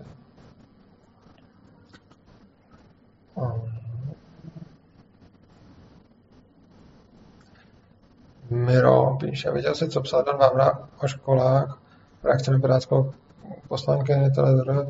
Jde o to, jestli soutěžení pro děti je prospěšné, nebo by mělo být ve vzdělávání hluboce upozorněno. To jsem nečet, co psal Dan Vávra a myslím si, že soutěžení, že nelze říct, jestli prostě soutěžení je prospěšné, nebo by mělo být upozaděno. Já třeba jsem extrémně nesoutěživý člověk, nebo by mě to, je to pro mě nuda. A když jsem někdo jste soutěží, tak jsem vůbec nevidím jako smysl. A, ale jsou lidi soutěživí, kteří to baví a k něčemu je to motivuje. A to se dostávám přesně k tomu, že prostě nemělo by být centralizované školství. A otázka, jestli prostě soutěžení je prospěšný pro děti. To je stejná otázka, jako je soutěžení prospěšný pro dospělí. Pro některý ano, pro některý ne. Prostě mě třeba soutěžení nic moc nedává, protože mě to nebaví. Ale znám spoustu lidí, kteří prostě baví být lepší a vyhrát a tak. Takže tam potom a tohle se nedá podle mě odpovědět a je to spíš daleko víc ta odpověď tím směrem, proto by mělo být jako školství decentralizovaný. Mělo by existovat školy, kde spíš budou jako soutěžit a měly by být školy, kdy a, prostě to bude, kde, kde ta soutěž nebude. No. Já osobně bych pro sebe určitě preferoval tu, tu školu, kde se nesoutěží už, protože mě to prostě nebaví. Tak. Hmm. Šimon Spíchal píše, že bojuju o život a na zdejší sofistikovaně otázka. Odpovídám stejně, že je vidět, co pro mě přemýšlení znamená. Tím si se trošku odskočím tady k tématu nemocnice, ale budíš. Vlastně ano, já už teda o život snad už mám vybojováno, teda nechci to zakřiknout, ta infekce ještě může být blbá, ale myslím, že jsem prostě už jsem mimo ohrožení života. A, a přemýšlení pro mě znamená moc a myslím si, že mi to pomáhá v procesu rekonvalescence. A taky mě to teď tolik nebolí, protože se můžu soustředit na vás a můžu tady s váma být. Pro mě je to obrovský relax. Tak. Ale nebudeme mluvit tady o nemocnici už dávno. To se omlouvám, když jsem to sám udělal. A,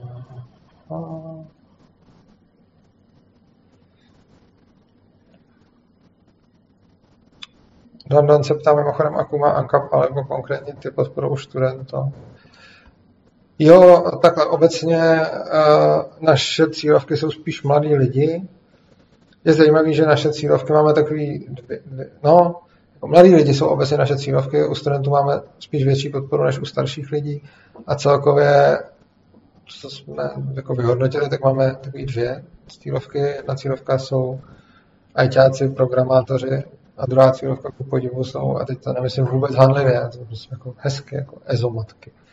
Hodně ezomatek, snad svobodný přístup. Tak. A...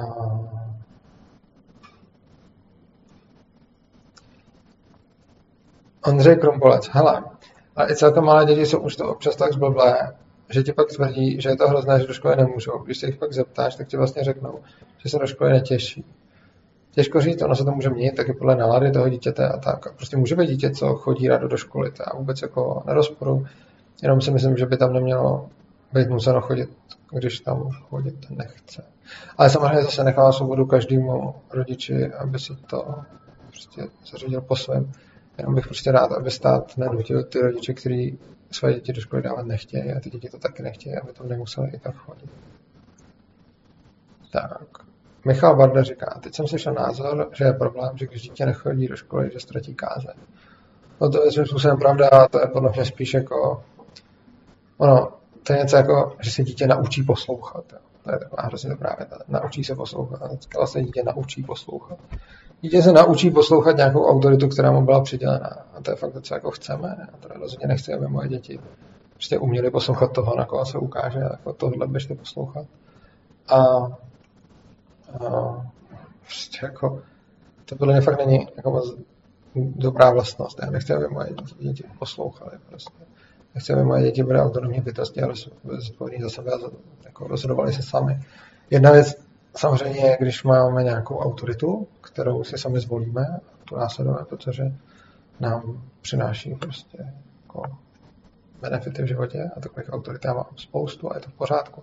Jsou to dobrovolné autority, ale jako vnucené autority. Tak. Marek Forst. Kvůli škole mám deprese, jen co se podívám na učení, dá se to nějak vyléčit, už je mi skoro 30.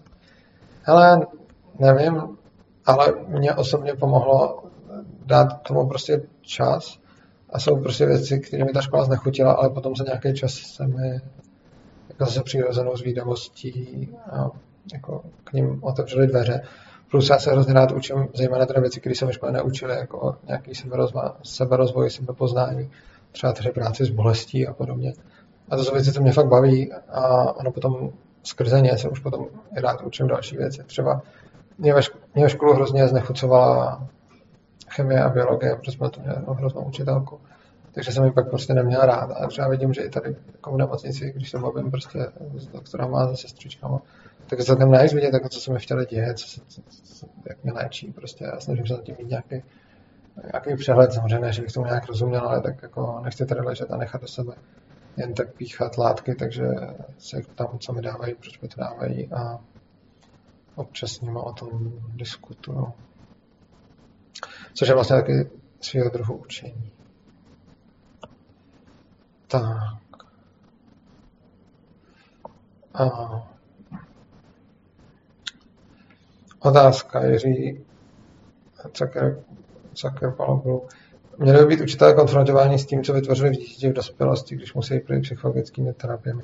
Já myslím, že ne, já myslím, že prostě bych neviděl učitele a tak. Já si myslím, že prostě chceme změnit ten systém, který je prostě špatný. Já si nemyslím, že ukazovat jako učitele, hele, jsi špatný, něčemu pomůže, učitel se pak bude cítit špatně a, a dá to akorát sežrat dalším dětem.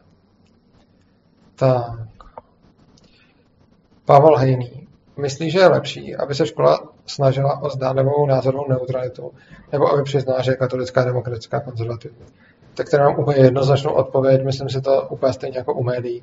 Škola by se neměla tvářit o zdánlivou názorovou neutralitu, protože nic takového neexistuje. A měla by podle mě rovnou přiznat, co je zač, protože jako, to by věci velice pomohlo. Aha.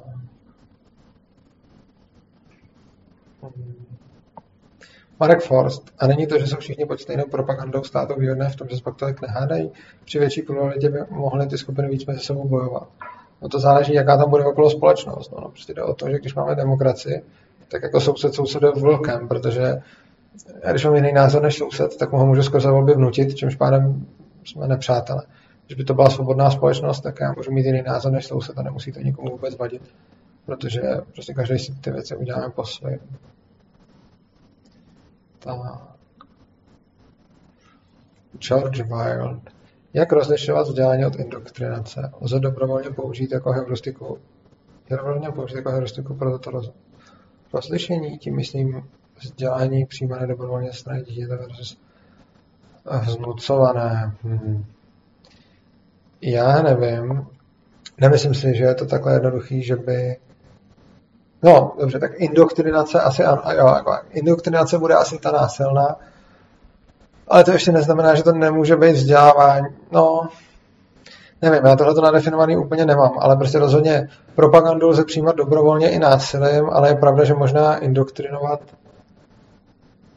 indoktrinuje se násilím, ale to by pak znamenalo, že se indoktrinuje i tam, kde učím to dítě třeba matematiku, Těžko říct. Upřímně, jako je to skvělá otázka, ale neznám takhle rychle odpověď. Um, Jaroslav Koho, mohl by být zajímavý rozvést, jak forma školství determinuje formu zaměstnání a spolupráce, jak by mohly vypadat ty respektující firmy. Tak jako nějaký takový už teď vidíme, vidíme takový ty firmy, firmy s těma flat modelama a podobně, ale jich zoufale málo. A myslím, že tohle by se vidělo, až když by se uvolnil eh, ten, eh, až když by se uvolnilo to školství. Stronger, stronger Predators. A proč nedochází k šikaně ve svobodné škole a proč uh, čím přísněji, tím víc šikany? To je jasný. Já bych jenom upravil, ono není pravda, že ve svobodných školách k šikaně vůbec nedochází, to je něco, co tam milně řekne na nějaký přednášce a není to pravda, to jsem si potom, to jsem si potom zjistil. Uh, ono ve svobodné škole k šikaně dochází, ale výrazně, výrazně méně. Takže se omlouvám za dezinformace někdy v minulosti. Ale mm, no, je to, je tam víc těch faktorů. Jde o to, že v momentě, kdy jsou ty děti věkově segregované, tak eh, když je potom nějaký to dítě slabší, tak prostě se stává otlounkánkem. A naopak tomu, kdy nejsou věkově segregované, tak to slabší dítě se prostě jde hrát s mladšíma a tím se nestane otloukánkem. A čím přísněji, tím víc šikany, no to je logický, to už jsem tady říkal na začátku, protože ty eh, děti vlastně opakují to, co vidějí. Tak. Co tady máme?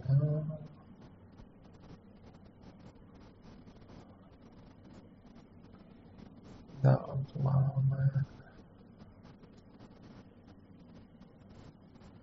Jo, tady Kivy mi píše, dlouho jsem tu nebyl, stručně, co se mu stalo. Je to na začátku streamu, tak se na to když tak potom koukněte, já to nechci opakovat, takže když někdo přijde nový a nebude vidět, tak na začátku jsme o tom dlouho mluvili. Tak. Jan Holubec. Otázka. Souhlasí, že včera vzniká kvůli tomu, že vysoké školy jsou zaměřeny zejména na memorování faktů a přebavou teoretických zkoušek povaha iluze skutečného vzdělání, že vyšlo to má malou výpovědní hodnotu. Uh, upřímně nevím, ono záleží vysoká škola od vysoké školy. Já třeba studoval na Matfizu, kde to takhle podle mě nebylo. A naopak, uh, naopak tam bylo hodně, jako, že si z toho hodně odnes.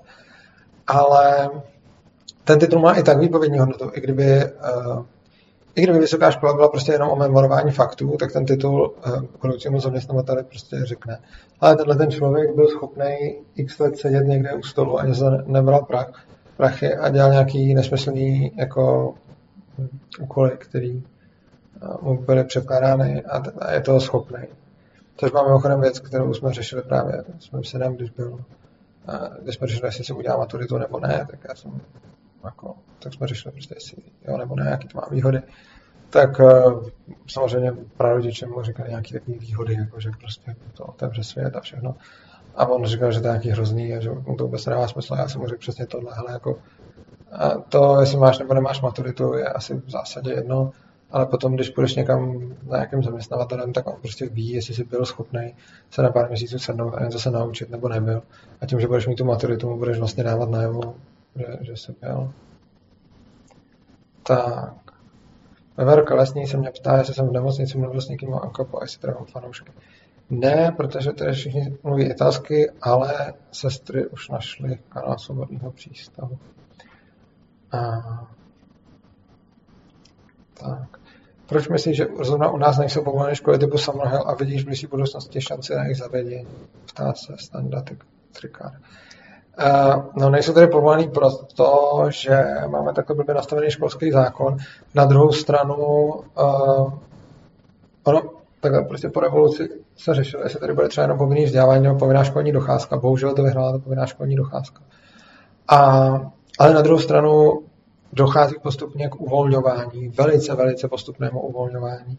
Takže nevím, jestli v blížší budoucnosti, ale myslím, že někdy jejich zavedení, někdy jejich zavedení někdy jejich zavedení možné bude. Rozhodně jako vidím, že to jde podle mě dobrým směrem. Tak.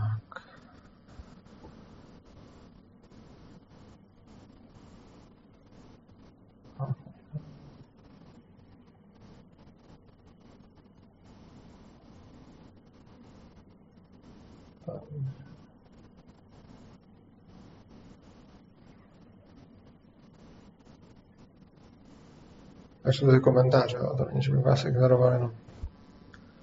Jo, myslíš, že v prostředí volnotenžního školství by se jako většinový model nakonec ustálil frontální typ výuky nebo spíše Summerhill, případně jaký by byl časový vývoj rozložení modelu? Ptá se Abe Nakamoto s pěkným trezůrkem. A No, myslím si, že rozhodně zpočátku by převažovala eh, ten frontální typ výuky a pak by se vidělo. Já pevně doufám, že ten Summerhill, ale prostě nebo, unschooling úplně. Ale jak říkám, nevím a je možné, že by to dopadlo úplně jinak a ta krása na tom, co prosazuju je, že prostě i když se pletu, tak ten výsledek bude, že stejně prostě většina lidí bude chodit do frontálních škol a menšina do nějakých prostě svobodných škol. Já nechci vnucovat ty svobodné školy, já jenom chci, aby tady byla ta možnost.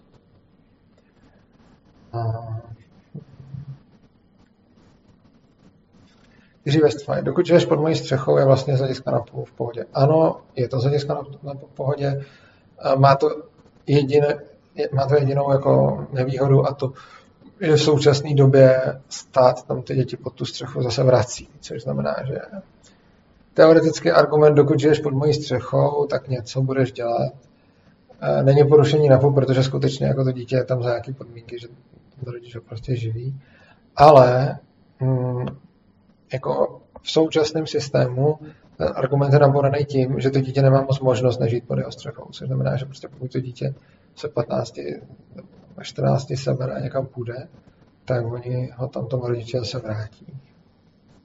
Čež tam pak do toho stát vlastně jako vnáší to, že to v chodu už není. Tak.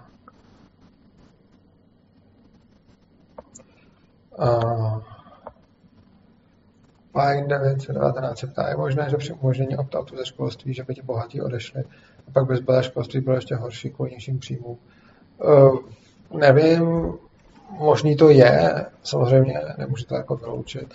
Na druhou stranu mi přijde, že uh, ten opt-out ze, školství, teda třeba takhle, já se hodně pohybuju mezi komunitama vlastně lidí, kteří řeší různý domácí vzdělávání, unschooling a podobně. A to, co tak vidím, mi nepřijde, že ty lidi, kteří mají primárně zájem o opt ze školství, jsou nějaký zejména bohatý lidi. Myslím si, že, ten, že, že jsou to lidi, kteří mají spíš prostě hodně jinou životní filozofii a vadí to, co se v té škole učí, než by šlo o finance. Takže do, dokonce bych i řekl, že ty lidi, kteří mají, kteří by rádi opt-out z toho školství, tak minimálně z těch, a jako znám jich určitě jako třeba jako stovky, což samozřejmě jako není to Není to dobrý statistický vzorek a všechno je to to nejlepší, co mám, ale přijde mi, že drtivá většina z nich prostě nejsou bohatý lidi, jsou spíš chudší a spíš prostě chtějí jako svoje děti vzdělávat jiným způsobem. Tak, co tu máme dál? Mm-hmm.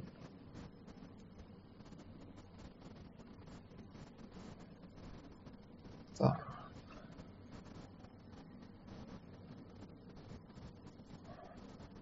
Pavel Hajný. Stále se bavíme o svobodě rodičů dát děti na školu, co chtějí, a nejspíš často problém, že rodiče chtějí po dítěti dobré známky a tlak a frustrace přichází od nich určitě. Samozřejmě souhlasím, spousta frustrace na děti přichází eh, právě od rodičů. Na druhou stranu si myslím, že to je nějaká sekundární frustrace toho, že ty rodiče sami prošli tím, eh, že ti rodiče sami prošli tím vzdělávacím systémem, kde jim vlastně bylo jako natlučeno do hlavy, že musí mít ty dobré známky a oni už to už to takhle znají, protože to sami prošli, tak to chtějí i pro ty, tak to chtějí i pro ty svoje děti. Ale rozhodně souhlasím, že spoustu frustrací na ty děti přinášejí rodiče a ne přímo ty školy. I když ty školy pak samozřejmě taky, ale to, ono je to většinou takový jako komuničko. Jasně, no, to uh, konkrétně krásně. Mnoho politických stran v státním školství, čím víc nad tím přemýšlím, tím marněji se dostává k metrice. No to samozřejmě nejde zjistit, kde je jako ve státním školství do, dobrý prostě učitel. Jde to zjistit z toho důvodu, že pro každého studenta je prostě jiný učitel dobrý. A může být jeden konkrétní učitel, který bude jednomu studentovi naprosto vyhovovat a pro jiného bude naprosto strašující. A proto prostě nejde říct, tenhle učitel je dobrý a tenhle učitel je špatný. A ono potom ještě další věc je, podle jaký metriky. Jako my se můžeme jako třeba vzít dvě třídy, jako prostě referenční vzorky a můžeme prostě tam dát dva různý učitele, jeden nebude učit matiku, druhý bude učit matiku a tak máme dostatečně. Aha. Já tak mě to tady napsal disconnected, tak jsem dobrý. To přečtu znovu. Jo, aha, takže. Um, jak řešit spory typu, kde má 13 letý člověk vášen ke druhářství, ale rodiče chtějí, aby byl právní. Modelový příklad, tam se i na situaci jiných profesí. No, upřímně, tohle to záleží prostě na těch rodičích a dětech a nemyslím si, že na to existuje jako univerzální odpověď. Já osobně bych, no vlastně nejen bych, já jsem to taky jako udělal, a prostě když mi moje dítě řeklo, že chce být prostě truhlář, tak je truhlář bez ohledu na to, co jsem já. A já prostě zastávám rozhodně jako zastávám suverenitu toho dítěte v tom smyslu, že to, co chce dělat, tak to jde dělat věřím mu, že si to dokáže rozhodnout a i kdyby si to rozhodnul tak, že toho času bude litovat, tak mi stejně přijde lepší, aby aspoň měl zodpovědnost za ten život a potom udělal to svoje rozhodnutí, z toho se nějak poučil, aby převzal tu zodpovědnost a pak třeba zjistil, že to bylo blbě a potom se rozhodl, že to bude dělat jinak. Protože si myslím, že nikdy není pozdě jako změnit profesi nebo jít něco dělat. Takže já osobně jsem jednoznačně zastáncem toho, aby když dítě ve 13 letech chce být truhář, ať dělat truháře. A myslím si, že jako ten bonus toho je, že i kdyby prostě ve 13 šel dělat truhláře a pak v 18 zjistil, že vlastně chce být právník, tak prostě myslím si, že ta velká zkušenost toho, že něco chtěl, nějak to udělal a nějak se to pak změnilo, je podle mě mnohem cenější než to, aby už od 13 se připravoval na právníka, z mýho pohledu. Ale tohle je otázka za mě, jaký ankap pohled, je to prostě moje, jako moje přesvědčení a rozhodně to, to, to nemá ankap nějaký prostě jako řešení. Tohle to je samozřejmě věc mezi věcmi s těma lidmi. Kivy se ptá, co sexuálně zneužívané či týrané děti nezvyšuje, se, nezvyšuje styk se státem šanci těchto dětí na styk eh, na kontakt s někým, kdo to může udělat. Takže prostě jako rozhodně si myslím, že tam, kde je víc šikany, eh, což jsou ty věkově segregované kolektivy, tak tam bude i víc eh, znásilnění, takže, takže tak. A, a tady A když se nechtějí vzdávat, jo, jo, nic, nic, nic, se omlouvám. A Vrtěslav, kdybych se nemusel pojít, projít povinnou školní docházkou, určitě bych měl mnohem lepší děs. Ale možná bych dnes nebyla anarchokapitalistkou, těžko říct, je lepší. Jo, to naprosto chápu, díky Břetěslavko. A já jsem si taky prošel povinnou školní docházkou, rozhodně nelitu, ale tak já nelituju ničeho. Já jsem se teď rozbil na Paraglideu a taky nelituju. A myslím si, že život je super. Jsem rád za to, že se věci dějou tak, jak se dějou. A tak. Tady jdete se mimo téma brát nebylo, protože už jsem hrozně jakoby v závěsu. A...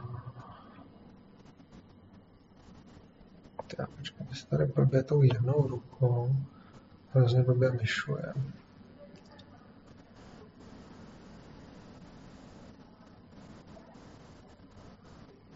Pravda.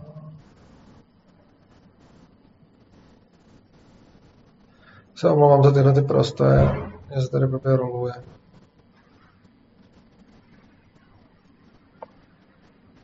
Um. Jo.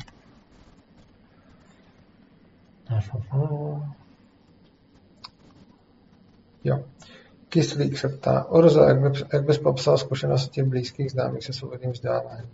Vidíš nějakou velkou, vidíš nějakou nevýhodu oproti formální výuce? Upřímně řečeno ne, já prostě znám spoustu lidí, kteří vzdělávají svoje děti svobodně a přijde mi to prostě dobrý, no. Jako, a neznamená to, že to musí být pro každého dobrý, prostě určitě nemusí. Jako, co, co takhle, Jedna věc, kterou na tom vidím a která je pravda, je, že ty děti hodně kopírují své rodiče víc, než když jsou vzdělávaný klasicky. Takže prostě dítě ze školy je nějaký, často se snaží ta škola udělat uniformní a dítě, který vzdělává primárně ten rodič, tak, je, tak si bere od toho rodiče možná i víc, než by si bralo jinak. Což samozřejmě v případě, že ten rodič má třeba nějaký problémy a podobně, tak by se to mohlo přenášet na to dítě teoreticky víc. Ale zase i naopak, jo. takže prostě já osobně jsem fakt jako zastánce svobodného vzdělávání jako jednoznačně. A jako obecně tam nevýhody, obecně tam nevýhody nevidím, ale to neznamená, že si myslím, že je to prostě pro každého dobrý. Tohle je jako můj pohled a myslím si, že myslím si, že tak. Zaseká se stream, no tak to, že si budeme muset končit, já nevím, co se děje. No, no. Um, tak.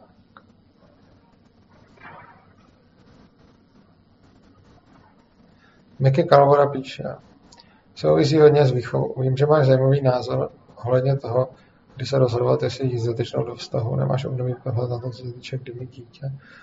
A jaká já nevím, jestli to zajímavý názor, prostě nejít do vztahu v zamilovanosti, ale počkat si a začínat vztahy až po nějaký době, což znamená, že když dotyčnou poznám, tak prostě jsem napřed zamilovaný, pak počkám, až to přejde, až pak se rozhoduji, jestli chci s ním vztah nebo ne, protože se nechci rozhodovat pod návalem hormonů. A co se týče dětí, tak asi tak nějak podobně. Jo, já se omlouvám, že mi tady se seká stream. Ne, myslím, že nedošly data. A jde o to, že já jsem tady prostě si v Itálii, abych mohl takhle streamovat. Teď koupil ten úplně největší datový balíček, který existuje. Jako tarif, snad jenom na měsíc, pak se zase změním abych tady s vámi mohl být, ale pořád to není dobrý, protože to dělám prostě přes mobil, který mi leží, tyhle někde. Tady mi leží mobil a přes to, přes ten se to všechno děje. Tak, to je, to je totální punk, jo, takový to studio s těma všema reprákama, mikrákama a tak. A tady teďko jedeme úplně total punk. Ještě v nějakém úplně obskurním rozlišení. A, tak. Ahoj, Orzo. V první řadě bych tě chtěl popřát co nejrychlejší uzdravení a obdivuji, jak statečně to bereš. Děkuji. Proč si myslíš, že je v současné době dost rodičů, kteří nejenom souhlasí s tělesnými tresty, ale já ono tam končí takhle. Jo, no je dost rodičů, kteří souhlasí s tělesnými tresty, prostě protože jsou na to zvyklí. Oni ty tělesní tresty, oni je dostávali a oni je prostě předávají dál. Další věc je prostě, jsme nějak vychovávaní, dostáváme tělesné tresty, přijde nám to normálně. Vidíme, bereme si od toho rodiče vzor. Já vidím, že když rodiče nějaký v z toho, jak já se chovám, tak mě jde třísknout. To je vzor, který si zachovám. Takže já, když jsem pak velký, já jsem nějaký v prdeli, toho, jak se to dítě chová, tak ho třísknu. A když už to dělám potom nějakou dobu, tak logicky jsem, nebo logicky prostě, často jsem zastáncem tělesných trestů, trestů proto, že kdybych prostě mi najednou bylo 50 a teď jsem jako třískal děti jak žita, tak by bylo asi blbý přehodnotit 50, nebo jako, ono by to bylo skvělé, ale málo kdo je schopen přehodnotit 50, jako já to jsem to dělal celou dobu blbě. Tak. Dobrá.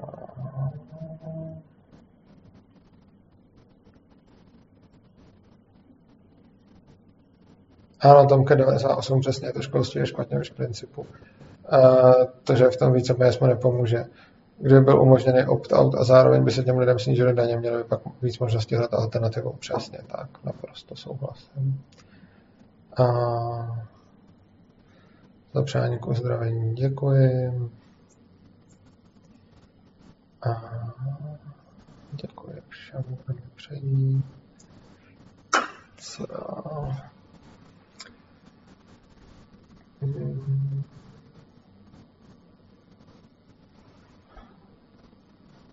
Dandon. A keď chcem robiť něco, s čím si nejsem jistý, či by moji rodiče souhlasili, čo s tím. Já nevím, já furt dělám věci, s kterými moji rodiče nesouhlasí. Hmm. Luboš Novotný. Rozebereš, jo, to není otázka. Rozebereš to neuvěřitelně statečně, máš mi obdiv. Děkuji.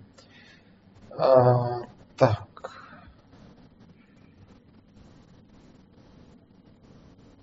Jasně. První výjezdová dělal na základce bordel a ošahoval spolužečku, takže škola nepoškodila. Jako já jsem neošahoval spolužečky, vlastně mě taky škola nepoškodila, spíš jsem poškodil ty učitele. Ale celkově je to prostě hrozný, že je člověk daný do prostředí, kde se buď nechá poškodit, nebo poškodí ty ostatní.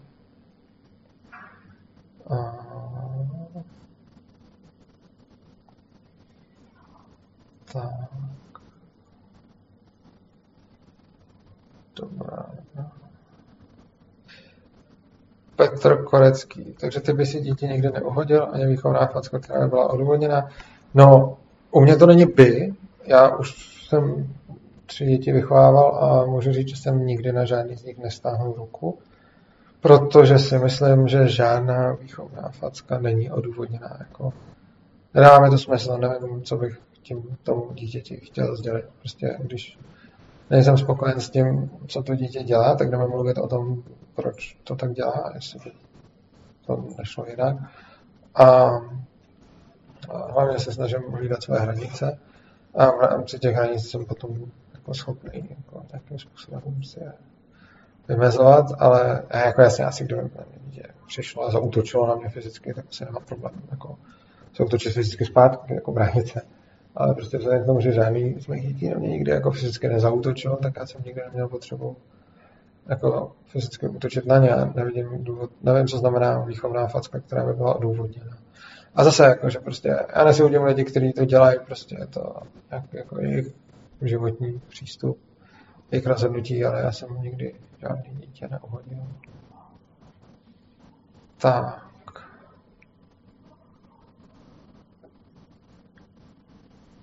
Zdeněk Gardelka píše, nevím, já občas ty vlastní testy používám, nemám z toho radost, a jinak to neumím a výtisky z toho nějak extra nemám. No jako zase je to prostě vaše věc.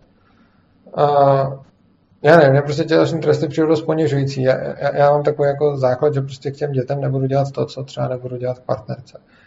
Uh, asi mi bylo, by přišlo blbý, prostě kdybych měl, já nevím, Tereza udělá něco blbě, tak dostane pár facek. To by bylo blbý.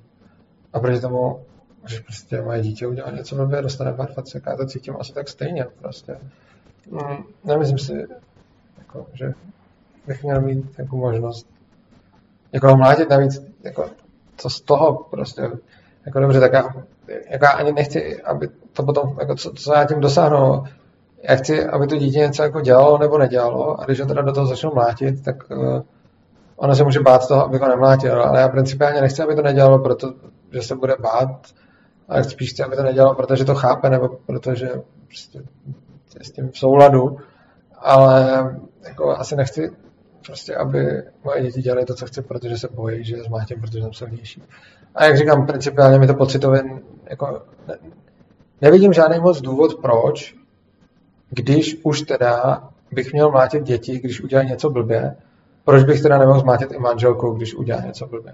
Mně přijde obojí na velice podobné úrovni, přičemž mi to obojí přijde jako nesmyslný.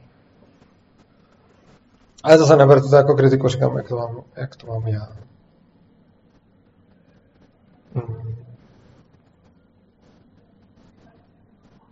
Kili píše, že ne každý rodič dá alternativu, takže se smíříme s tím, že část rodičů bude fetovat a děti do škol chodit nebudou.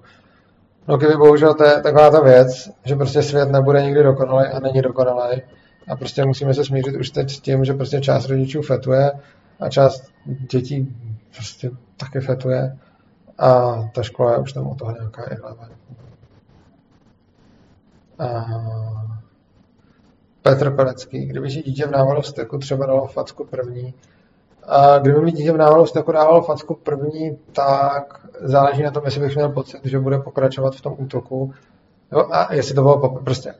Kdyby se poprvé stalo, že mi v návalu steku dítě dá facku první, tak mu ji nevrátím pokud za A. Nemám pocit, že je to něco, co, co bude pokračovat. A za B nemám pocit, že se to stalo včera taky a teď se to znova dí. Kdyby mi dítě dalo záchvatu steku facku, tak uh, mu vysvětlím, že je to pro mě jako hodně velký problém. A mm, jako budu s ním o tom mluvit, ale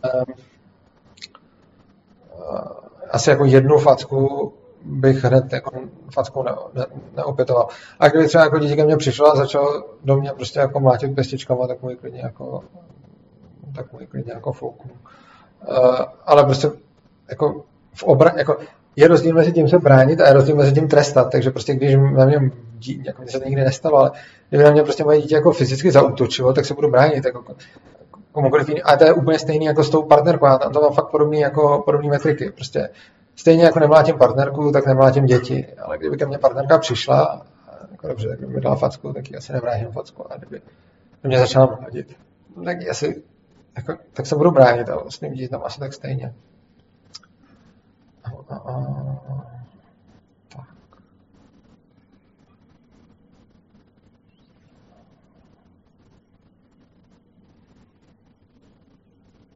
O, stejně Gardoka píše, mě jsem prostě plnou svou do koulí. To okamžitě dá facka, prostě okamžitě nastavila hranici. Chápu, e, pokud by mě praštil do koulí a fakt by to bylo, tak taky nevím, jestli bych se třeba neovládl. A tak jo, jenom prostě, já nevím, proč by mě dítě mlátilo do koulí, těžko říct, já to nebyl, takže. Jako mně se nikdy nic takového nestalo, mě prostě nikdy dítě jako ruku nestáhlo a já na ně taky ne. Jako nikdy v celé výchově mých dětí nedošlo k tomu, že by byť se to jen blížilo tomu, že by oni mě nebo já jim nějakým způsobem došel k nějaké fyzické insultaci, takže prostě jako nevím. A...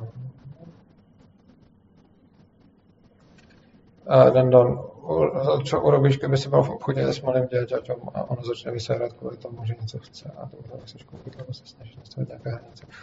No zase úplně stejně jako k někomu jinému, prostě buď mu to koupit chci, nebo mu to koupit nechci a když mu to koupit nechci, tak, tak je to moje věc, protože ostatně já jsem ten, kdo to platí a kdo to kupuje.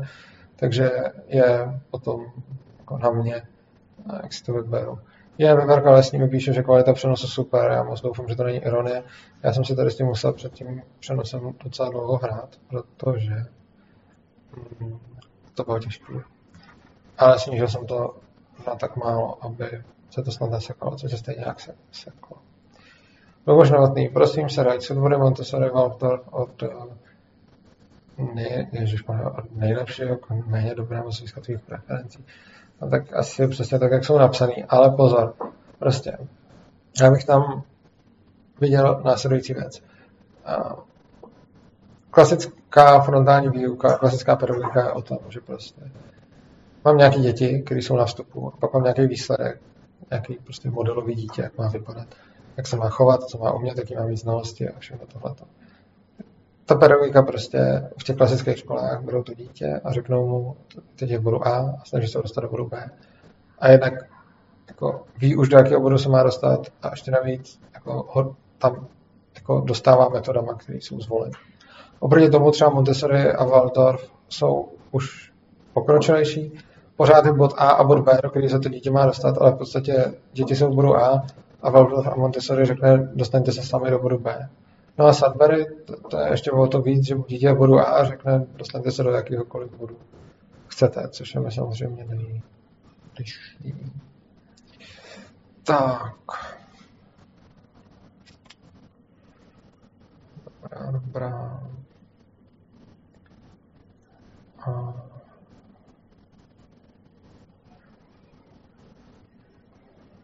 Jo, tady někdo píše Tomcat, to je přesně můj point, tělesný tresty, podle mě. Akorát posilují úzkost a nemají pozitivní efekty, a to si myslím taky. Jakože, jasně, že můžu někoho vystrašit, jako to nemusím hlavně mlátit, ale vystrašit to můžu taky, ale myslím si, že to dítě potom jako na první pohled dělá to, co potřebuje, ale dělá to z úplně jiných důvodů. Já prostě, když chci, aby prostě si dítě, já nevím, když něco udělá, omluvilo, tak nepotřebuji, aby prostě přišlo a řeklo, omlouvám se, ale potřebuji, aby prostě jako litoval třeba toho činu nebo, nebo něco takového, když prostě jeden sourozenec se blíží druhýmu, tak prostě jako zbít toho sourozence na to, aby šel za tím druhým a řekl mu promiň, ale stejně si u toho myslel ty blbej zpratku, tak to, to není dobrý prostě a toho dosáhnu spíš tím, že ho zbiju. Ale spíš tím, a, a samozřejmě to nesmlatelně těžší, ho teda nezbít, ale nějakým způsobem mu to vysvětlovat a, a, a, a dovést ho k tomu, že to, co udělal, třeba někomu ublížilo, ale tomu, když ho začnou mlátit, tak to je podle tomu úplně kontraproduktivní. Tak. Ahoj, kolem slyším sami. Ahoj, kolem slyším, že naše školy jsou zadarmo, jsou hrozně super a že třeba v Americe hodně dětí školy nemá peníze, po případě se zadluží na celý život. Můžu se ptát tvůj názor, proto se ozdrav, děkuji. No, naše školy nejsou zadarmo, že jo? Naše školy jsou jako placený z daní a jsou placený docela draze. A prostě není zadarmo jako zadarmo, ono bezplatný neznamená zdarma, protože není nic jako opět zdarma. Ty školy jako platí lidi ze svých daní, takže to, takže to takhle zdarma není. A samozřejmě i v Americe jsou jako, jsou tam školy, za které se platí, a pak jsou tam taky jako nějaké public schools, na kterých můžou chodit i ty děti. Ale ano, jsou tam i školy, za které se musí platit a pokud ten člověk chce to vzdělání takový, tak se třeba někdy může zadlužit, což je zase na tom člověkovi posoudil, jestli je to, jestli je to dobrá investice nebo ne. A... Tak. A Tomka 98, co kdybych to přišla partnerka a chtěla. A tak to je samozřejmě jiné, že jako, já jsem mluvil o nekoncenzuálním jako pití, že Spousta lidí jako si koncenzuálně ubližuje, protože je to příjemný. Takže tam to je úplně stranou. A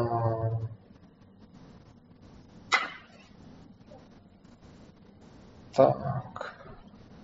Dan, dan. A když se v tom obchodě sadne na zem a začne křičet na celý obchod. No tohle je zase ta věc, kdy já hlídám nějaké hranice sebe, těch lidí a podobně. Rozhodně to dítě nebudu fyzicky trestat, ale to neznamená, že ho tam odsaď fyzicky ne, nepůjdu dostat. Prostě když mě dítě třískne a já vidím, že bude pokračovat, tak bude fyzická odezva, abych zastavil ten jeho prostě útok. V momentě, kdy mě dítě jednou třískne a vidět, že už jako nic, tak jako nepůjdu ho praštit, abych ho potrestal. Stejně tak, když prostě si sedne na zem v obchodě a křičí a teď tam obtěžuje ty lidi, no tak já ho začnu pacifikovat k tomu, aby se to přestalo dít, případně na tohle to teda zrovna ještě taky často, ono záží, jak starý je to dítě, ale strašně často na to funguje, jestli to dítě to prostě přestat všímat, což je kolikrát rychlejší cesta, ale samozřejmě záleží, jak moc je to nepříjemným těm lidem okolo a podobně. Ale zase, jak říkám, je rozdíl mezi fyzickým trestem a mezi fyzickým dosažením toho, aby se přestala dít nějaká nežádoucí situace. Což znamená, že když to dítě bude mlátit jiný dítě, tak prostě nemám problém tam přijít a prostě ho čapnout. Ale není to trest, je to jako odstranění toho člověka od toho a je fakt důležité rozlišovat, jestli to, co dělám, je trest, anebo je jenom jestli jako stopuju tu aktivitu, která se tam děje. A co jiné formy násilí vůči dítěti, například medikace, injekce, a odávání helenu, přeputání do dětské sedačky a tak podobně. A, no jasně, tak tam potom prostě je to o nějaký, o nějaký prostě domluvě s tím dítětem. A tohle to jsme měli kolikrát také, jo. jako ze vlastní zkušenosti vím, že když se člověk fakt snaží a není jako nasraný a nezačne to řešit hned v tu chvíli, tak prostě lze vysvětlit dítěti, že prostě něco bude bolet a lze vysvětlit proč, ale prostě je takový rozdíl, třeba si pamatuju zubař, jo, je jako velký rozdíl mezi tím, že si prostě přitáhnu dítě k zubaři, mrznu tam do sedačky a teď prostě se to tam začne jako dít. A nebo když už jako si prostě 14 dní předtím povídáme o tom, jaký to je prostě čistit a nečistit si zoubky a co by z toho potom mohlo být za následky. No. A ono to potom i u toho zubaře už vypadá jinak. Tak. Co tak máme?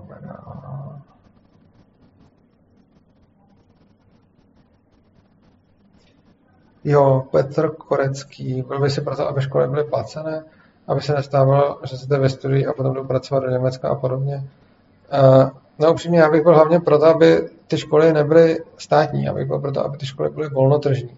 Takže um, já jako, nevím, no, jako to, že tady vystudují a pak jdou pracovat do Německa a Rakouska je podle mě úplně jejich věc.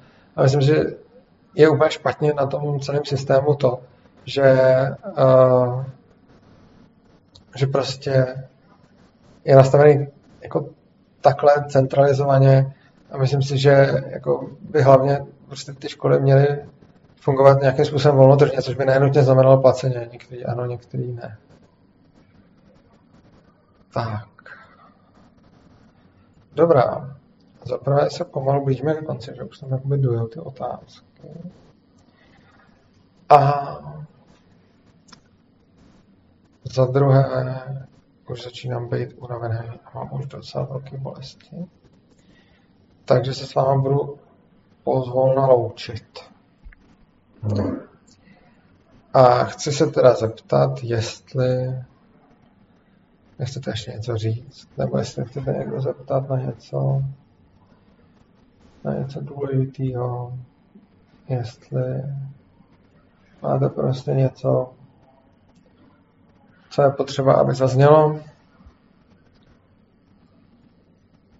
A budeme už se pomalu loučit, protože to nechci protahovat. Mám fakt rád, že jsme tu byli, strašně moc mi to bavilo a úplně mám... Doufám, to zlepšilo den, prostě já tyto ty streamy fakt miluju. A doufám, že příště už to bude ve studiu. A s oběma nohama.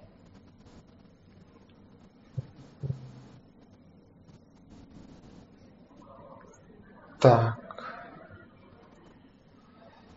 Díky moc za všechny ty přání. Já se určitě uzdravím. Nevím sice do jaký míry. A jako takhle. Doufám, že se uzdravím do úplné míry, doufám, že hlavně bych nerad přišel o nohu, to je první cíl.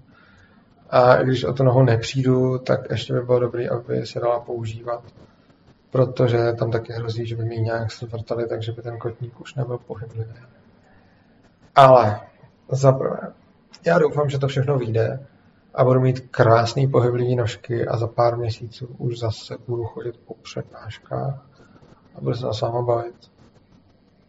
Za druhé, i kdyby to tam, i kdyby to takhle nebylo a i kdybych třeba, nevím, že o to nohu přišel, což bych fakt nerád, ale i kdyby, tak stejně si myslím, že to není něco, co by bylo tak hrozný. Myslím si, že mám nádherný, skvělý a plnohodnotný život.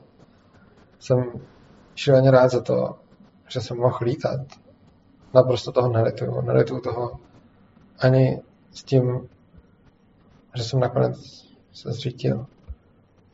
Nelituju toho v žádném smyslu. Nelituju ani toho, že tady teď ležím, protože je tohle pro mě neuvěřitelně cená zkušenost. Jenom je mi líto mých blízkých, protože ty to mají teď skutečně hodně, hodně, hodně těžký. A zároveň všem děkuju, děkuju Teresce, všem ostatním, kdo mi tak pomáhají, protože díky nim mám taky mnohem víc síly. A i když se vlastně vůbec nemůžu hejbat, tak si uvědomuji, kolik mám, kolik mám štěstí. Uvědomuji si, že mám skvělou hlavu, uvědomuji si, že je krásný mít aspoň jednu volnou ruku. A myslím, že žiju fakt dobrý, krásný a šťastný život. A že i když prostě teď jsem zrovna indisponovaný, tak uh, někdy zase jednou nebudu. A i kdybych byl, tak si myslím, že v životě je tolik krásných věcí, že pokud nějakým způsobem budu naživu, tak si to budu absolutně užívat, protože já si myslím, že bych potřeboval mnohem, mnohem víc času tady na zemi, abych vyzkoušel všechno, co zkoušet chci a naučit se všechno, co se naučit chci. A rozhodně ničeho nelituju.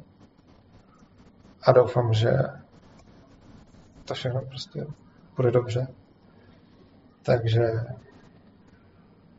děkuji moc vám, děkuji moc vám za tu obrovskou podporu.